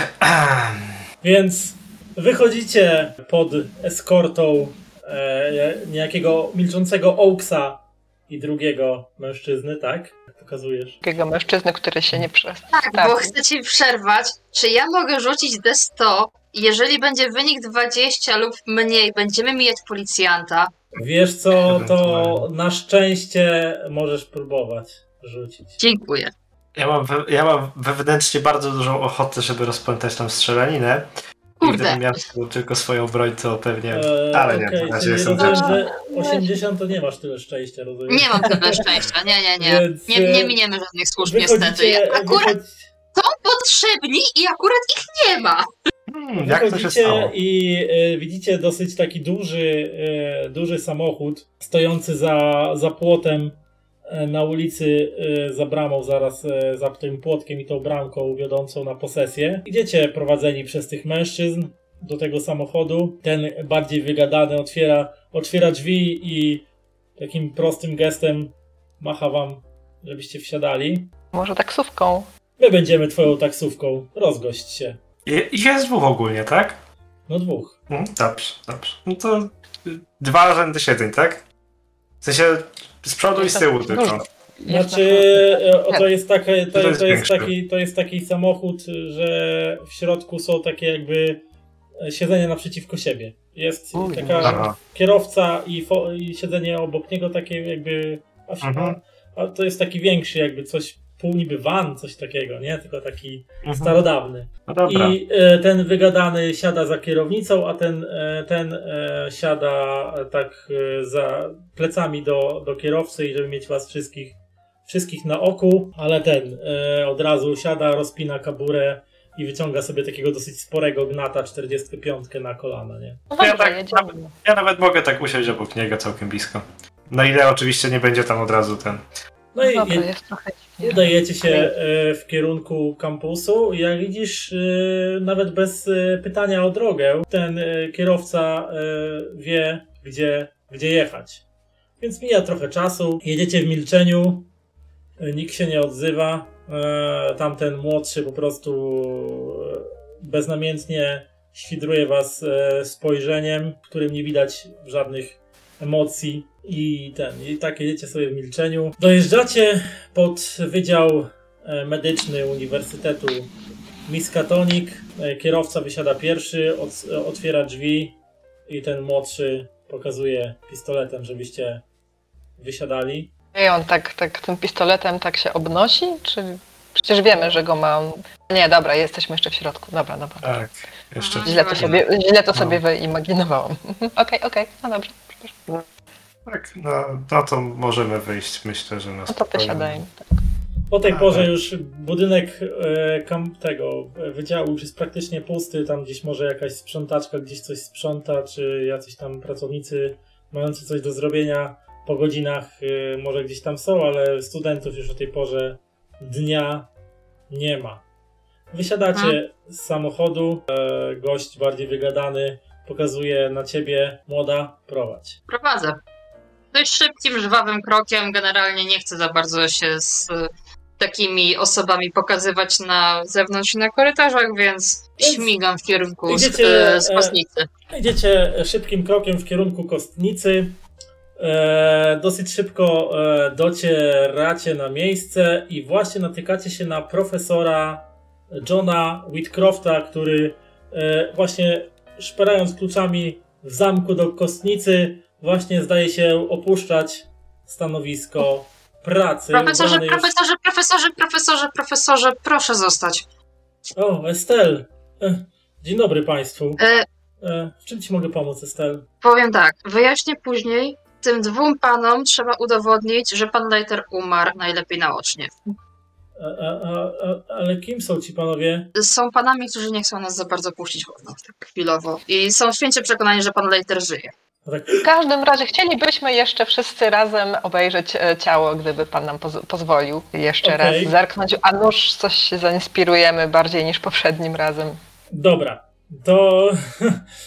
No, on tak widać, widać, widać, widać ewidentnie, że facet się przejął i, i Mhm. przestraszył, bo też złapał się za, na chwilę za klatkę piersiową, tak odetchnął głęboko, no dobrze, skoro, skoro musicie i zaczął nerwowo szperać kluczami e, przy, przy zamku, ten e, bardziej wygadany, no pośpiesz się staruszku, nie mamy całego dnia. Chciałbym tak Moment. lekko popatrzeć spod byka na gościa. Dobrze, już dobrze. Już ten, i tam słychać szczęk zamka, jeden, drugi i w końcu drzwi do kostnicy się otwierają. Proszę za mną. I, i, takim nerwowym, e, zdenerwowanym krokiem e, John Whitcroft e, idzie w głąb, prowadząc was oczywiście w kierunku sekcji, gdzie są te lodówki i tam, gdzie już wcześniej byliście i widzieliście ciało profesora Leitera. Więc dochodzicie na miejsce, mm, facet zapala lampę, znaczy to oświetlenie w pomieszczeniu, znaczy ten doktor podchodzi do tych lodówek i szarpie za rączkę i otwiera klapę i tam wyjeżdża Czoła. y, ciało profesora, no, które wygląda praktycznie tak samo jak wyglądało wcześniej. E, Oaks, sprawdź, czy to on. E, ten milczący wkłada rękę za pazuchę, e, wyciąga z niego jakieś zdjęcie i tak podchodzi z tym, z tym zdjęciem. Profesor staje koło Estel, e, ten, e, ten wygadany staje tak przy was, żeby mieć na was, na was oko, a ten milczący do tej pory gość, o, na którego mówił cały czas Oaks, podchodzi do ciała profesora i tak łapie tą lampę jeszcze, e, Mhm. zapala światło, żeby bardziej było widać na ciało i tak się nachyla, nachyla z tym zdjęciem na, na to ciało. Hmm, w końcu się tak odzywa. To chyba, to chyba on. I w tym momencie nagle ręka martwego do tej pory profesora Charlesa e, Leitera łapie mężczyznę za rękę, w której trzyma zdjęcie i słuchaj tylko takie przekręcenie i taki trzask, a łamanej kości, a kurwa! Co? Ten, ten, rzućcie sobie wszyscy na poczytalność. Od razu na spieprzanie? No nie, u mnie nie weszło. E, Nie. Nie, pytanie, też nie. Mam pytanie, punkty szczęścia się resetują co sesję, czy po prostu mamy określoną pulę do sobie? E, jest nie, one, one się spadają. E, co po, po, po tych, po końcu jakiejś przygody e, można część odzyskać, ale ogólnie one regularnie spadają aż do zera i w końcu nie będziesz miał ich wcale. Tak samo jak poczytalność. Mhm, dobra. To nie udało się. Okej, okej. Teraz tak. E, Kto mu weszło, komu nie weszło? I weszło. Chyba ty- tylko Barnabasowi weszło, co nie? Czy komuś jeszcze weszło? Ja jak z- zobaczę co się dzieje, to właśnie zastanawiam się, czy sięgać po rewolwer, czy po prostu kastety. Ale chyba kastety sobie tak wsunę ręce od razu już i wyciągnę kastety na ten, e, na, na ręce. Więc e, teraz tak. Rzuć jeszcze panu profesorowi, jeśli masz jego kartę. A tak, rzucę dobrze, bo zapomniałem o tym. Że biedny starszy pan też ze słabym sercem. A tamten drugi? złapał za serce. rzucę 70, czyli weszło, ok. Rzucę jeszcze za tych dwóch, tylko jednym rzutem. On powinien mieć jakieś minusy do tego, że mu to nawgarstek. 53 weszło, więc oni się opanowali. To komu nie weszło? Wreszcie. Czyli wszystkim wam nie weszło, tak? Nie no, mi weszło, pozostałym nie weszło. Czyli ty stracisz jeden punkt poczytalności, a cała reszta rzuca K8. E, Co to znaczy K8? Znaczy Dało D8. Się. Ósemką rzucać. Dobra. Ho, ho. O, ho, ho. Uuu. weszło. U mnie 5. Dobrze, no to y, Piotr traci jeden, e, Estel traci tylko trzy, więc jest, y, y, jesteście lekko zszokowani tym niecodziennym widokiem, tym przerażającym widokiem wstających z, z tej leżanki zwłok, natomiast Gertrud rzuć jeszcze na inteligencję. Jeszcze na inteligencję. Ja Racjonalizacja. już e, setką. Y, tak, tylko Aha. najlepiej, żeby ci nie weszło. Niestety. E, Niestety weszło, czyli doskonale zdajesz sobie z tego, że to co widzisz nie powinno mieć miejsca, że martwi nie stają e, ze stołów i nie atakują e, żywych, więc rzuć mi proszę jeszcze teraz na a, atak szaleństwa D10. Ojej, Co wypadło? 8 Wiem. znaczy? Osiem. Osiem. 8, tak? Więc e, wpadasz w histerię lub jakiś wybuch emocjonalny, badacz nie może powstrzymać się od śmiechu, płaczu, krzyku przez 1K10 rundy. Jeszcze rzuć kolejne K10 i będzie trwał twój atak histerii. Czyli trzy rundy. E, e, Trzy rundy. o- opisz, jak wygląda twoja histeria te- w tym momencie. No to, no to chyba wpadam e, w, śmiech. Tak, raczej, raczej e, zaczynam się szaleńczo, głupio, dziwnie śmiać i nie mogę się po, powstrzymać i, e, i nikt mnie nie może jakoś doprowadzić, uspokoić. Okej. Chociaż jeszcze, no tak. E, a ile, e, co to znaczy trzy rundy? Jak to się będzie... E, No bo teraz Mierzyć. będą, będzie, znaj- znajdujemy się w tym momencie A. tak jakby w walce, więc przechodzimy na system rundowy, więc będziecie działać w kolejności swojej zręczności. Z tym, że e, bandyci mają zręczność 70 bazową, e, ale przez to, że mieli broń, to e, dodatkowe 50 dostają, czyli mają 130. Ale musi, oni mieli w rękach tą broń, czy jak? Tak. Jak w kaburze to się chyba... A, w rękach. Ten, co złapany też się liczy? E, tak, więc oni tak jakby działają. Znaczy będą działać pierwsi, jeżeli no, no, nie macie wyższej zręczności, ale według wysokości zręczności działamy teraz. Więc co robić? A, No ten, ten pierwszy e, wyje z bólu, kurwa, szałnasy, ratuj! A ten e, drugi e, bardziej rozgadany, kurwa, co to ma być? Wyciąga broń i celować zaczyna w tego, we wstającego z leżanki Ha! martwego Aj. profesora Leitera i oddaje strzał w jego kierunku. No niestety nie trafił, Wie, więc wyciąga broń. Co to kurwa ma być? Pff, strzela, ale ten pocisk odbija się od gdzieś od metalowego e, tego. E, od metalowego po prostu no, pokrywy jednej z lodówek i tylko gdzieś tam e, rykoszetuje, odbijając jeszcze w, od ściany i rykoszetując, znaczy od, odłupując kawałki e, tych kafelków e, przyklejonych do ściany. E, co robi reszta was? Bo profesor, profesor Whitcroft łapie się za serce. Boże, o Boże, o Boże, o Boże, co tu się dzieje? O Boże!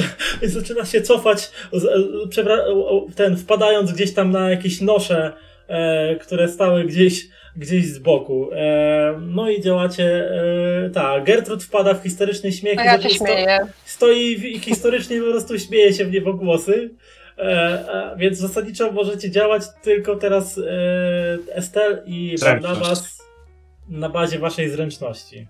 Jak Ja macie mam zręczność? 80, a ty? Ja 75. 65. Dobra, czyli ja pierwsza. Wiesz co? y, Jeżeli tak to widzę, to y, złapię Gertrud, która widzę, że ma najgorzej, i złapię profesora drugą ręką, jeśli dam radę, i pociągnę ich w kierunku wyjścia. No, czy jeszcze Piotr Okej, może też e, działać, nie? Bo, Znaczy, ja, no tak, to jeszcze ja pewnie jak po zręczności to pierwszy skoczę, więc e, prawdopodobnie jak widzę, że tu się odpierdziela gdzieś na boku, ja tego gościa tak e, po, podbiegnę tak, tego gościa spróbuję odepchnąć i będę próbował się oddzielić głowę profesora od reszty ciała e, kastetem. Tak, żeby przebić się na siłę. czyli atakujesz tego zombiaka, tak? Tak. Ja pierdzielę, nie weszło.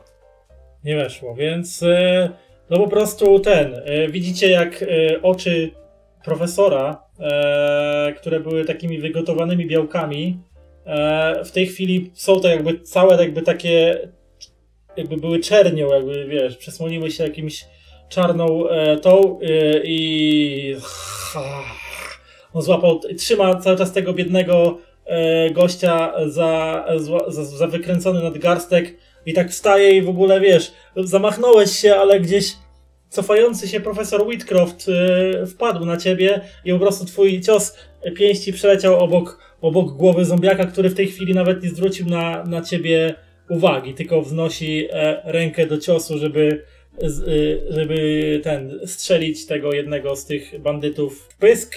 Co, kto robi, co robi kolejna osoba? Ja mam teraz jedno pytanie. Czy mogę, troszeczkę powiedzmy naginając, użyć umiejętności zręczne palce i spróbować zabrać mu broń? E, temu... Czy raczej to nie do tego służy, że tak powiem? zręczne palce temu, temu drugiemu, tak? Co strzelał. Bardziej, bardziej chyba... Myślę, że temu, który ma nadgarstek bardziej. Myślę, że mu byłoby łatwiej zabrać broń. Znaczy, to, to by trzeba było potraktować jako manewr. Manewr, manewr, manewr. Rozstrzygnięcie w przypadku kontrataku. Zamiast zadać obrażenie zastosuje efekt manewru. Krzepę trzeba było porównać. Mm, Jaką masz krzepę? Czyli siłę po prostu. Nie, E, krzepę to Nie, masz. krzepa to jest, to jest siła i budowa ciała. Ja mam krzepę, krzepę Liczona. 1. Krzepę 1 oni mają. Krzepa jeden tak samo. Czyli, Czyli e, czyli macie Rzutny. Czyli macie równe, e, więc e, po prostu e, myślę, że to bardziej, jakbyś chciał mu wyrwać broń, to bardziej te, ten przeciwstawny test siły, Możemy spróbować. to rzucasz po prostu na siłę. Ja rzucę na siłę i kto będzie miał większy sukces, ten, ten utrzyma się, przy, albo on się utrzyma przy swoim pistolecie, albo, albo ty mu go wyrwiesz, albo wytrącisz z ręki. Nie? Ja wyrzuciłem 39, siły mam 75, więc to jest, no, połowa mi nie weszła jeszcze. Mi mam po prostu sukces, a ty? E, udało ci się? A ja mam 70 siły i 29 wyrzuciłem. Czyli Chodzi na połowę. weszło, czyli masz wie, większy Tak. sukces, e, duży sukces masz w rzucie, więc e, łapiesz, e, łapiesz go po prostu za, za tą rękę, jak on oddał ten strzał i nie wiem, czy mu chcesz wytrącić, czy wyrwać ten pistolet z ręki, ale w każdym razie... Szarpię się z nim, próbuję mu go zabrać, tak? No to łapiesz go i on jest zaskoczony na tyle e, tym, że, że ten trup wstał i ich atakuje, że udało ci się wyszarpnąć mu pistolet z ręki. Ja myślę, że mogłem się potknąć, bo jednak stoi przede mną żywy profesor trup. Ale udało się, wam zabrałem mu pistolet. Tak, tak, tak. E, I teraz Estelle na końcu, tak? Nie, ja już mówiłam, co byłam Dobra. na samym początku. A, ty byłaś pierwsza. To przypomnij Tak, mi, ja wyciągnęłam Gertrud i profesora z tego pomieszczenia, jeżeli oczywiście mi się udało. E, dobrze, to łapiesz ich e, i myślę, że ciągnąc ich oboje w kierunku wyjścia musisz zdać e, trudny e, na, pół, na 50% test siły po prostu, żeby ich wy, wytaszczyć stamtąd. Żeby dwójkę naraz, no to... Ewentualnie, no to dobrze, niech nie, to będzie niech trudny, nie będzie trudny test. W razie czego może jestem lżejsza. Może. O! Jest. Stanę. Więc adrenalina tętniąca w twoich żyłach gdzieś tam dodała ci e, niespożytej siły, bo łapiesz śmiejącą się w niebogłosy Gertrud i prawie że upadającego na, na ziemię e, w stanie przed zawałowym profesora Whitcrofta łapiesz jedno i drugie zabety i praktycznie wy, drzesz, z nimi, drzesz z nimi w długą w kierunku, w kierunku wyjścia. No i dobra, to teraz to jest druga runda, więc Gertrud dalej się historycznie śmieje. Ty dobiegasz praktycznie do drzwi wyjściowych e, z tego pomieszczenia, więc kto tam był kolejny Barnabas, tak? Jeżeli tam ci Co robi ewentualnie martwy, bo za niego nie było. E, martwy, on ma, nie ma aż takiej zręczności dużej, więc on nie jest taki szybki. Aha, dobra, czyli on będzie po chłopakach pewnie. E, on ma 5,35, więc jest naprawdę wolny na samym końcu. Dobra. O, było. e, właśnie, wiesz co? Powiedz mi, e, czy jest tu w okolicy coś, co można wykorzystać jako fajną metalową pałę? Paweł, e, nie, ale masz na przykład Nie wiem, jakieś- krzesło, masz krzesło, No, które ma to tak, metalowe coś- nogi na przykład i taki drewniany No, ten, to- e, do To na przykład bym pewnie chciał tak na szybkości, jak to nie udało mi się zamachnąć, to pewnie gdzieś tak kątem oka jakieś krzesło i spróbować też e, pozby, pozbawić głowy krzesłem, czy tam oparciem, czy, czy nogami jakoś tak przyciąć, tak, tak żeby najefektywniej to wykorzystać, to krzesło. Mordujesz mafiosów, czy mordujesz pana profesora po raz drugi? Nie, na, na razie próbuję zdekapitować profesora Mafioza, jak się później będzie martwił. Więc rzuć na atak. W takim razie łapiesz za to krzesło, bierzesz zamach i rzucaj. O kurwa, dobra. No to krytyczne trafienie, no to trafiasz. E, jakoś tam czekaj, trzeba było wziąć obrażenia jakiejś broni. E, wiesz co, powiem ci tak. E, du- duża broń typu maczeta ma 8 plus modyfikator obrażeń. Nie, to obrażenie będzie E, średnia ma. tam chyba 6 jeszcze. Czekaj, właśnie, już mam zaraz pod ręką, to ci. O, przejdę. E, już ci mówię. Co to? Znajdź Gumowa sobie pałka, młotek. nie? Pałka duża. Kij baseballowy, kij krykietowy, e, podżegacz, pogrzebacz. No to raczej pod pogrzebem. No ale to jest, to jest jedna kategoria. To jest jedna kategoria. I to jest K8 plus modyfikator obrażeń. No to masz, no to To tutaj masz krytyczny sukces, więc dodajesz maksymalne, czyli 8 plus twój modyfikator obrażeń. 4 mam K4, czyli 12.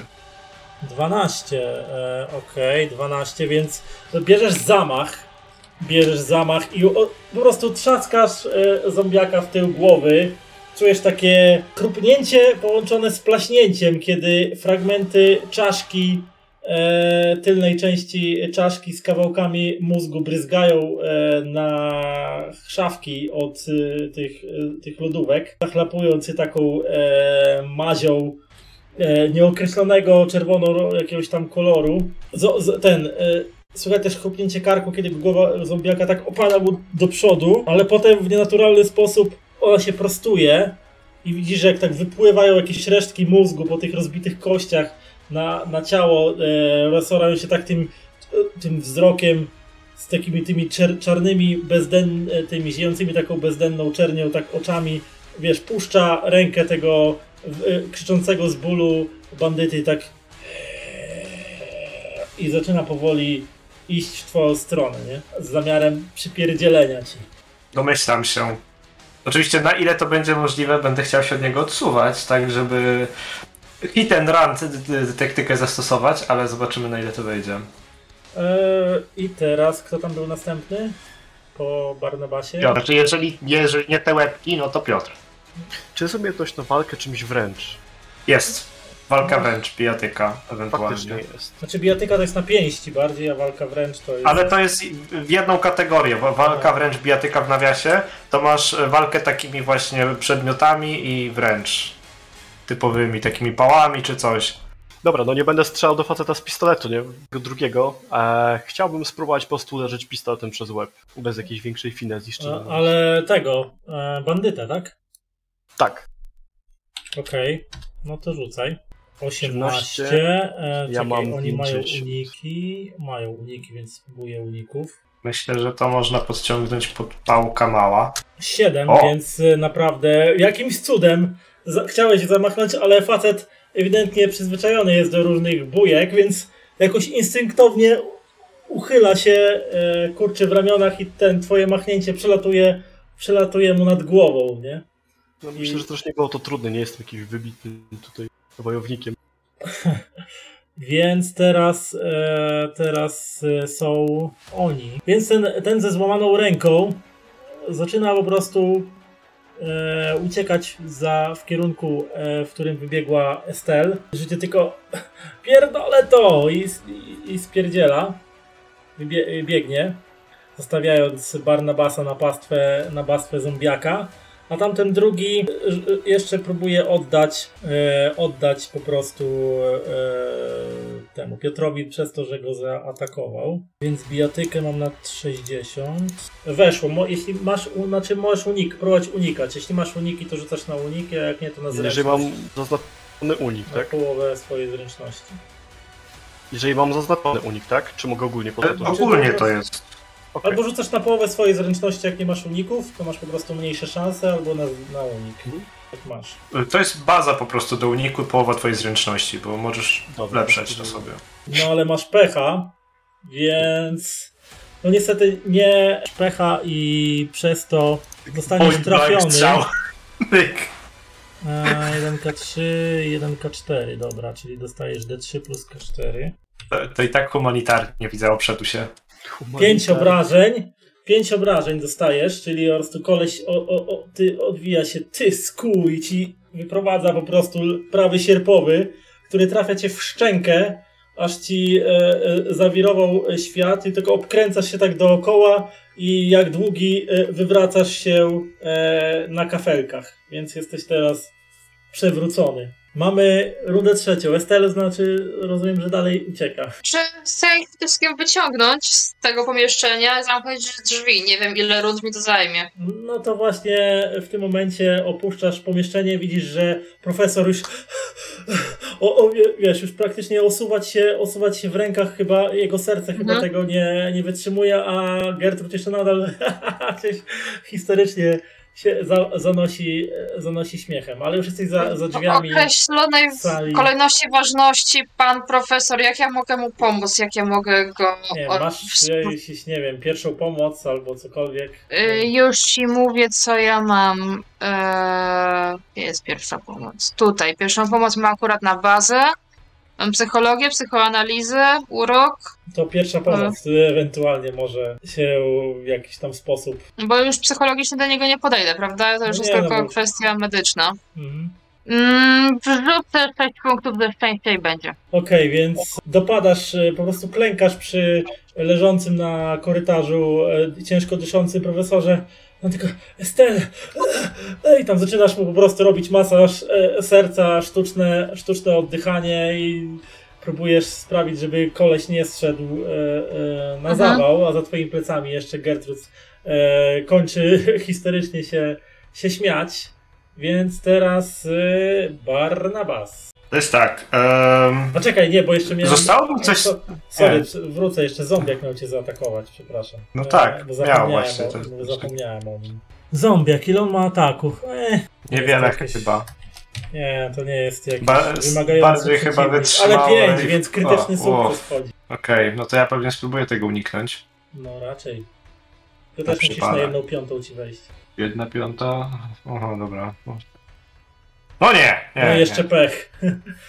e, więc e, dostajesz pełne obrażenia w tym momencie. Pełne obrażenia wynoszą u niego K3 plus 1 K4, czyli 7 obrażeń. Jeżeli to jest po, powyżej twojej połowy zręcznej tej wytrzymałości, to ciężką ranę dostajesz. Mam 13 akurat, więc to będzie akurat po równo. No. Więc, do, więc ten zombiak tak odwrócił się w twoją stronę, jak go, jak go strzeliłeś tym krzesłem i tak zdążył się jakimś cudem do ciebie podejść i tak ci na, na odlew ci tak po prostu robi takie fu! I po prostu trafia cię, uderza cię z taką siłą, jakiej byś się nie spodziewał po tym her, stosunkowo herlawym ciele i po prostu przelatujesz przez pomieszczenie i pełnym rozpędem e, uderzasz plecami i głową o ścianę, e, znowu krusząc trochę kafelków, którymi była pokryta, uderzasz po prostu głową i czujesz, e, czujesz takie pęk, pęknięcie. Prawdopodobnie doznałeś złamania podstawy czaszki w tym momencie. E, I wiesz, jesteś taki praktycznie półprzytomny, tak się osuwasz po tej ścianie, widać takie wgniecenie po twojej sy- sylwetce i taki krwawy ślad po rozciętej i rozbitej głowie na, na tej ścianie. Tak się, tak si- siadasz po prostu na tyłku w tym momencie, nie? Okej. I rusza w twoją, i rusza w kierunku e, tego, stojącego w tym momencie. Zombiak już na ciebie w tej chwili nie zwraca uwagi, tylko rusza się w kierunku tego bandyty, który Mhm. widząc co się dzieje, kurwa ja też stąd spierdalam i, i rzuca się biegiem w kierunku, e, w kierunku drzwi. Więc Estel, tam pompujesz, pompujesz te serce i widzisz, jak drzwi te, do tego tak się roz, roz, rozwalają z hukiem i ten jeden z tych bandytów po prostu prawie się potykając o ciebie wybiega. Kurwa, kurwa, kurwa! Biegnie e, e, gdzieś tam korytarzem, e, korytarzem przed siebie. Gertrud w tym momencie e, przestaje się śmiać. Piotrze, e, widzisz gwiazdki przed swoimi oczami, a jesteś pewien, że na święta to jeszcze za wcześnie. Powoli e, zbierasz się, e, zbierasz się z ziemi i widzisz jak zombiak w tym momencie idzie w twoim kierunku. Czy jest umiejętność na paniczne uciekanie z pokoju? Zostawiacie Barnabasa. Personalizowana. Zostawiacie Barnabasa, mówisz? E, no możesz się Nie rzucić. no, nie no. Ja go taktycznie odciągam, tak? No, pewnie jestem w drugiej części tego pokoju. Znaczy on jest tak bardziej od ciebie na prawo, widzisz po prostu jak jest pod ścianą i taki jakby prawie, że nie wiesz czy Tak. żył, czy nie żył, taki... To może korzystając z otoczenia, e, czy może być może coś pod ręką, jakieś naczynie, e, Nosze albo... na kółkach. Nosze są. Na kółkach.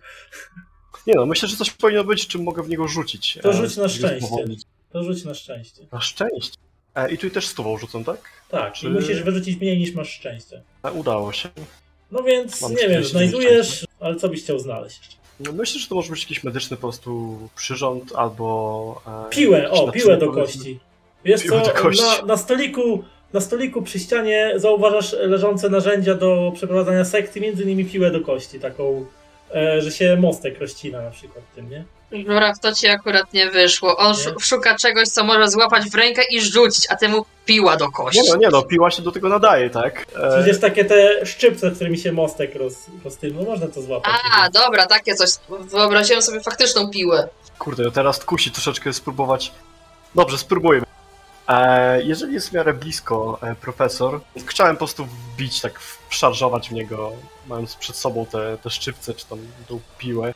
E, wbić mu nie wiem, gdzieś w mostek albo w brzuch. Okej. spróbować go powalić, albo po prostu... To, to rzucaj na atak, tak? nie? Na, na walkę wręcz.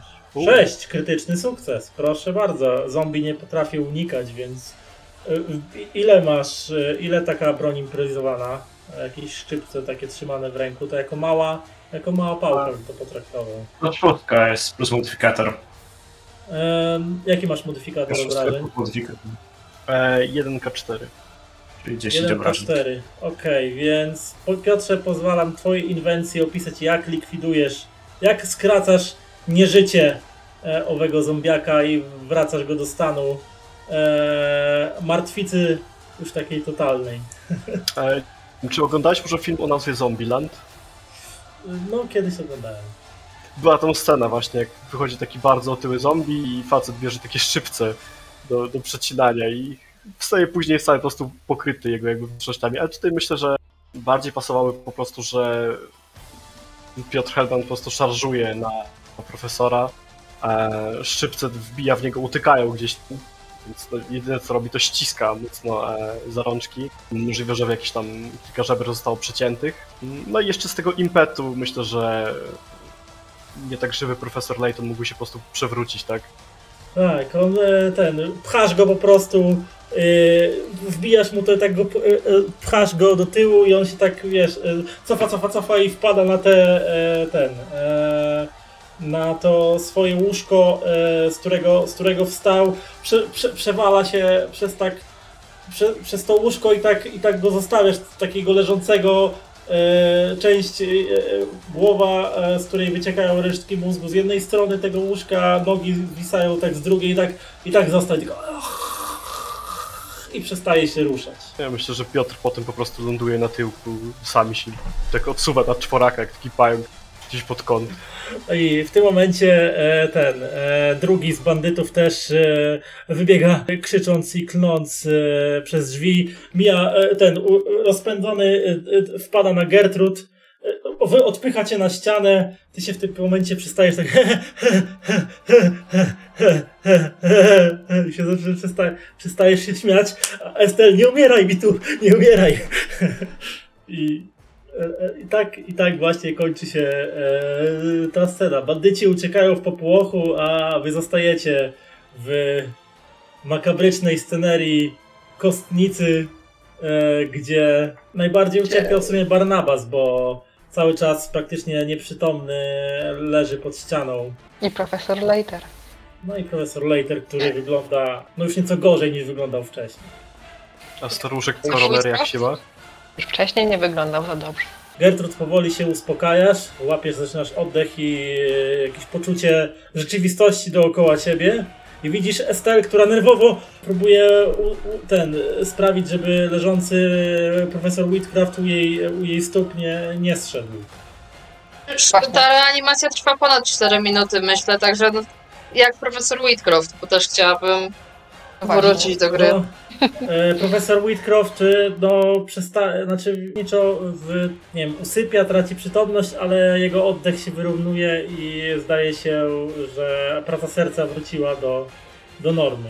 Okej, okej, dobra. Jak spoglądam na Gertrud, Co się w ogóle, co to się w ogóle działo? Dlaczego tutaj jestem? Dlaczego jestem co na się w ogóle korytarzu? stało? Gdzie są wszyscy? Przecież byliśmy już w sali. Co tam? W sali z trupami. Jak to się nazywa? W kostnicy. Tam się zdarzyło coś, co nie powinno się zdarzyć. Ja mam dziwne przeczucie, ale nie, zupełnie nie pamiętam. W tej chwili przynajmniej. To może dobrze. Ale może to lepiej.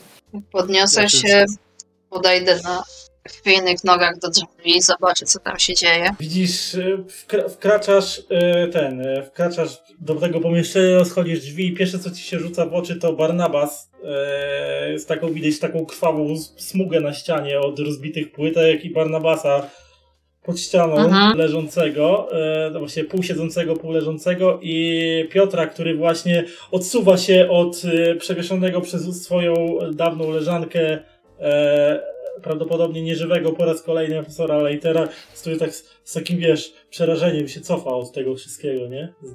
I z którego Może. gdzieś tam klatki piersiowej wystają jakieś, jakieś tam narzędzie, nie? Mhm. Ciężko ci powiedzieć jakie. Podejdę do Piotra, przykłusnę przy nim. Zrobiłeś chyba kawał dobrej roboty. Przecież tu jest mnóstwo krwi, w ogóle co tu się dzieje? Lecę po, może za- lecę zadzwonić pogotowie. One nie wyglądają na, na, na, na...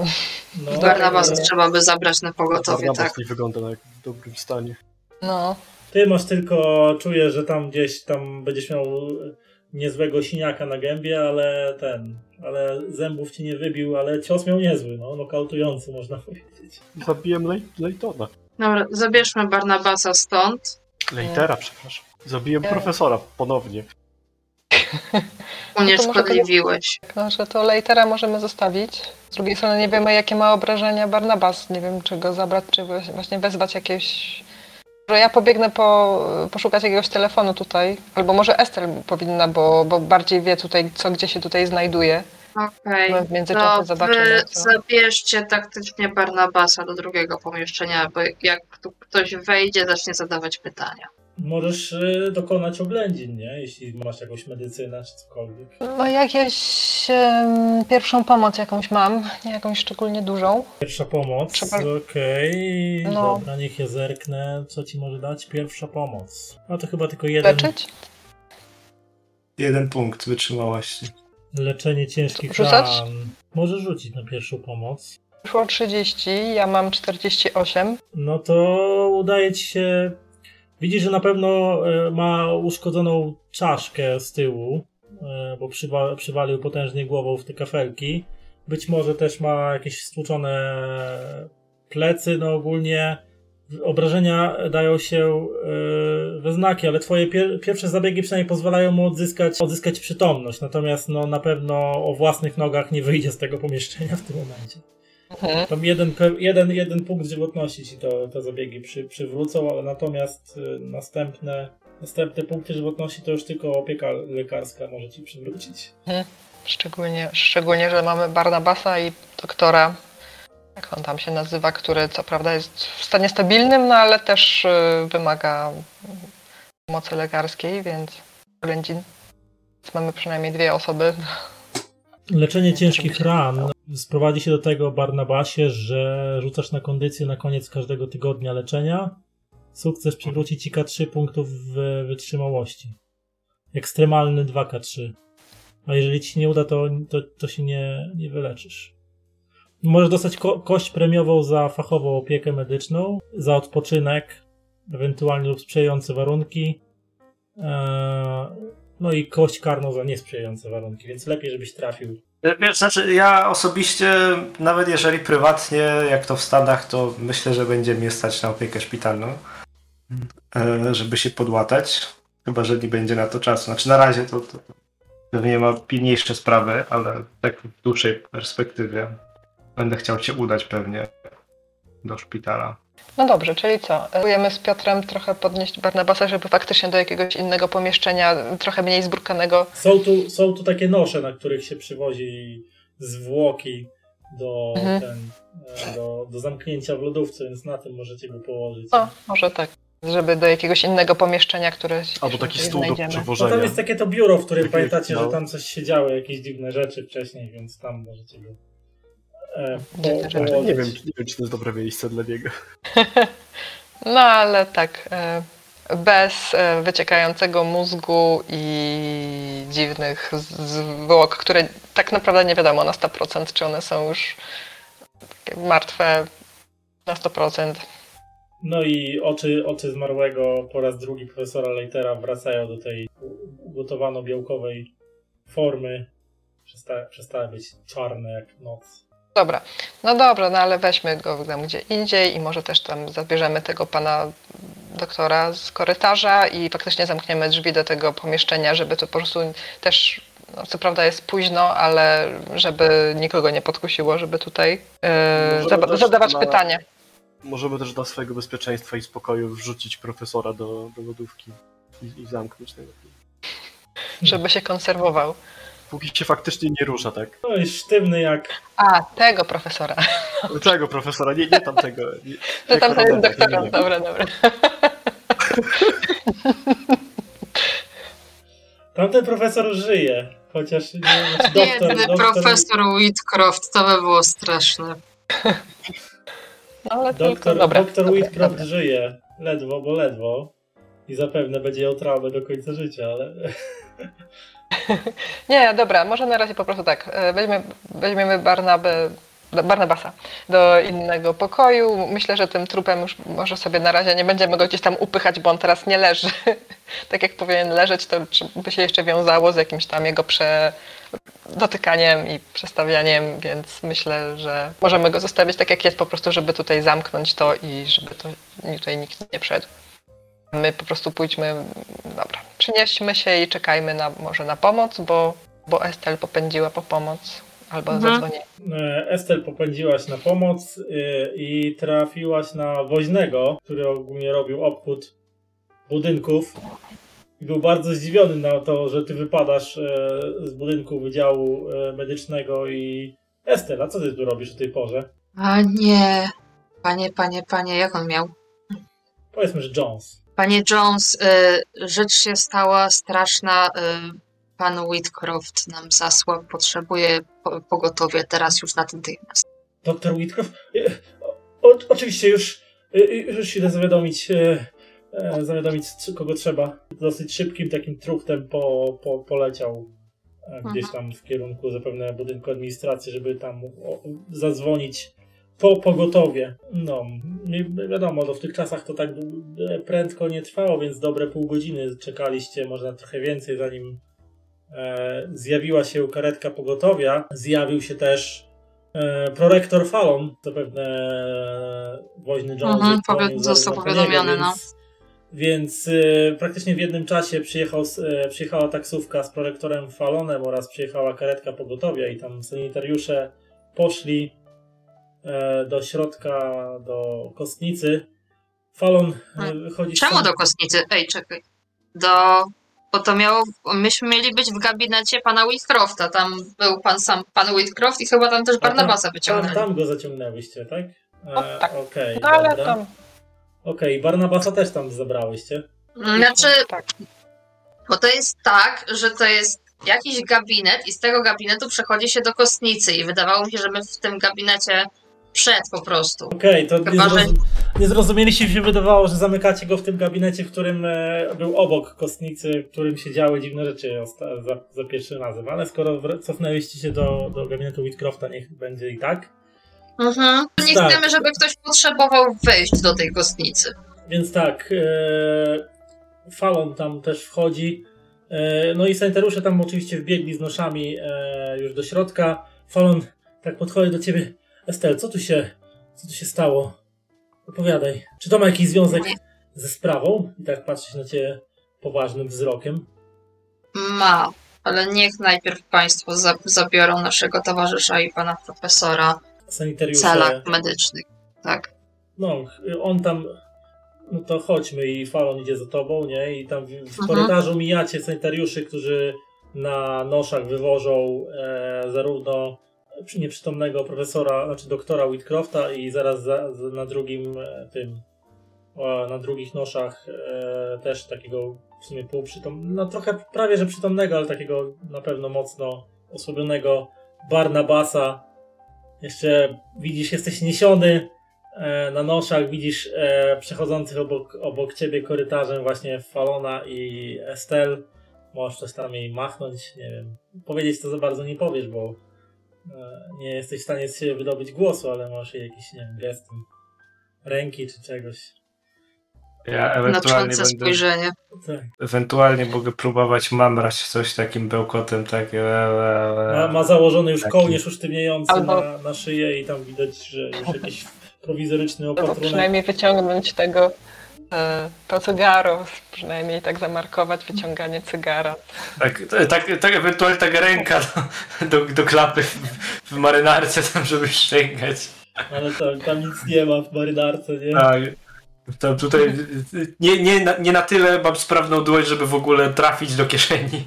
Tak tylko takie machanie i, i nic, nic więcej z tego nie, nie, nie wyniosę. No, więc e, Barnabas wyjeżdża na noszach razem z doktorem Whitcroftem, a Fallon e, wpada do biura, gdzie siedzi e, Piotr, e, siedzi Gertrud e, i jesteś ty, Estel. I tak, powiadajcie, co tu się dzieje? Co, o co tu w ogóle chodzi? Co się stało z profesorem Whitcroftem i z, i z Barnabasem? Coś się, co się właściwie stało, moi drodzy?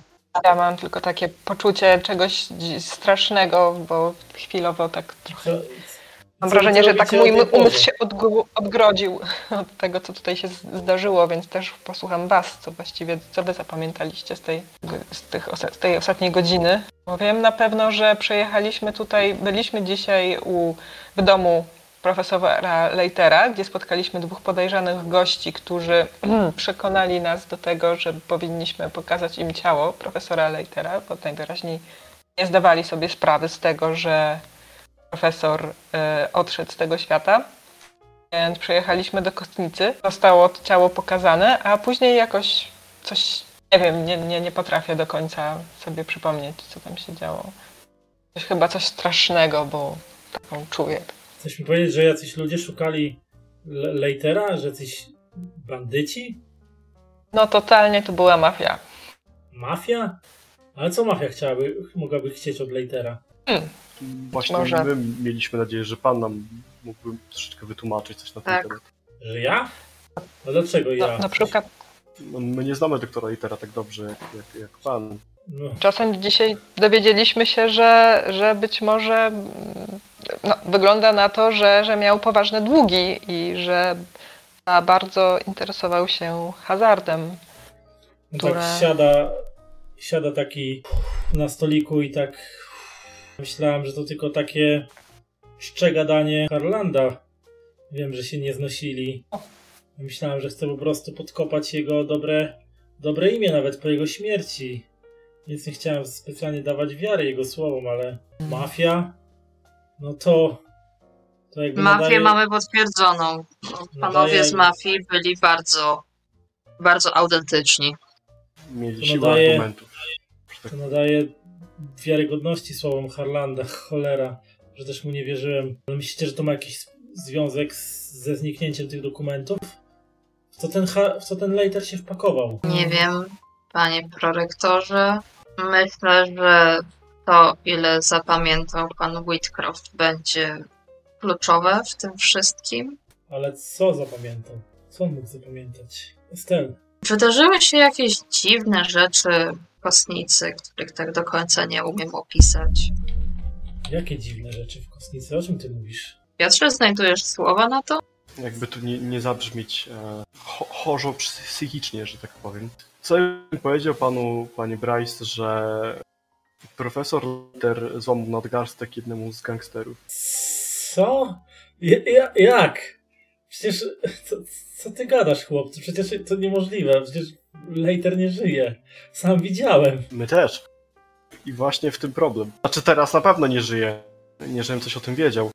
Ale e, Jeśli umarł raz i wrócił, i Tak. umarł drugi raz, czy znowu nie wróci, to jest coś, czego nie wiem. Ale, ale c- o czym wy opowiadacie? Ludzie, wy się dobrze czujecie? Muszę zobaczyć ciało. Gdzie on jest? na swoją obronę, panie Bryce, dostałem bardzo mocno w głowę.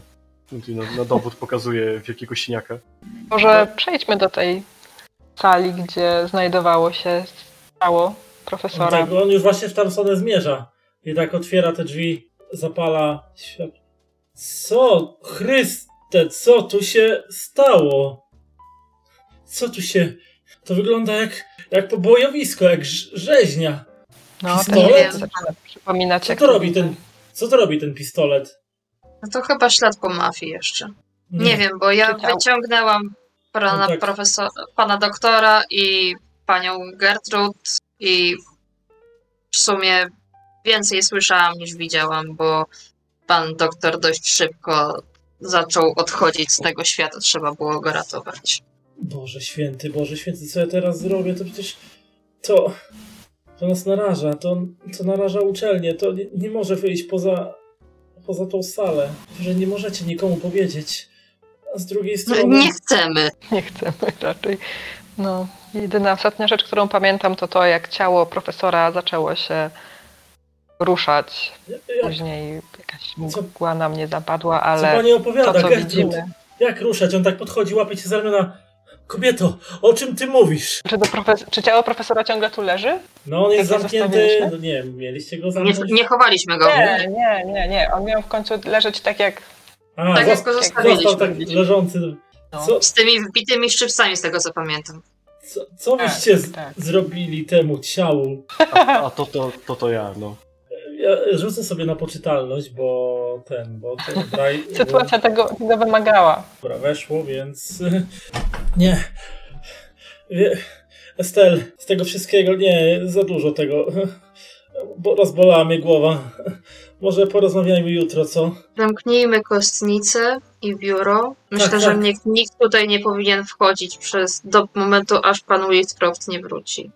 Tak, tak, odwołam wszystkie, wszystkie zajęcia, powiemy, że pan Whitcroft zapadł na, na serce. Wszyscy wszyscy wiedzieli, że przeżył już jeden, przeżył już jeden zawał, więc e, to nic dziwnego. Tak, Estel, wiecie, idźcie, od, odpocznijcie, zobaczymy się jutro. To, to...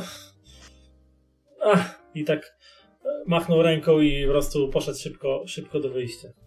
Mhm. My też, tak. Chyba nie Ja zgarnę, zgarnęłam jeszcze klucze, e, zamknę wszystko tutaj. Czas opuścić to miejsce. Mogłem się nie przyznawać panu Brace'owi, że to ja z tymi szczepcami. Może nie szczery.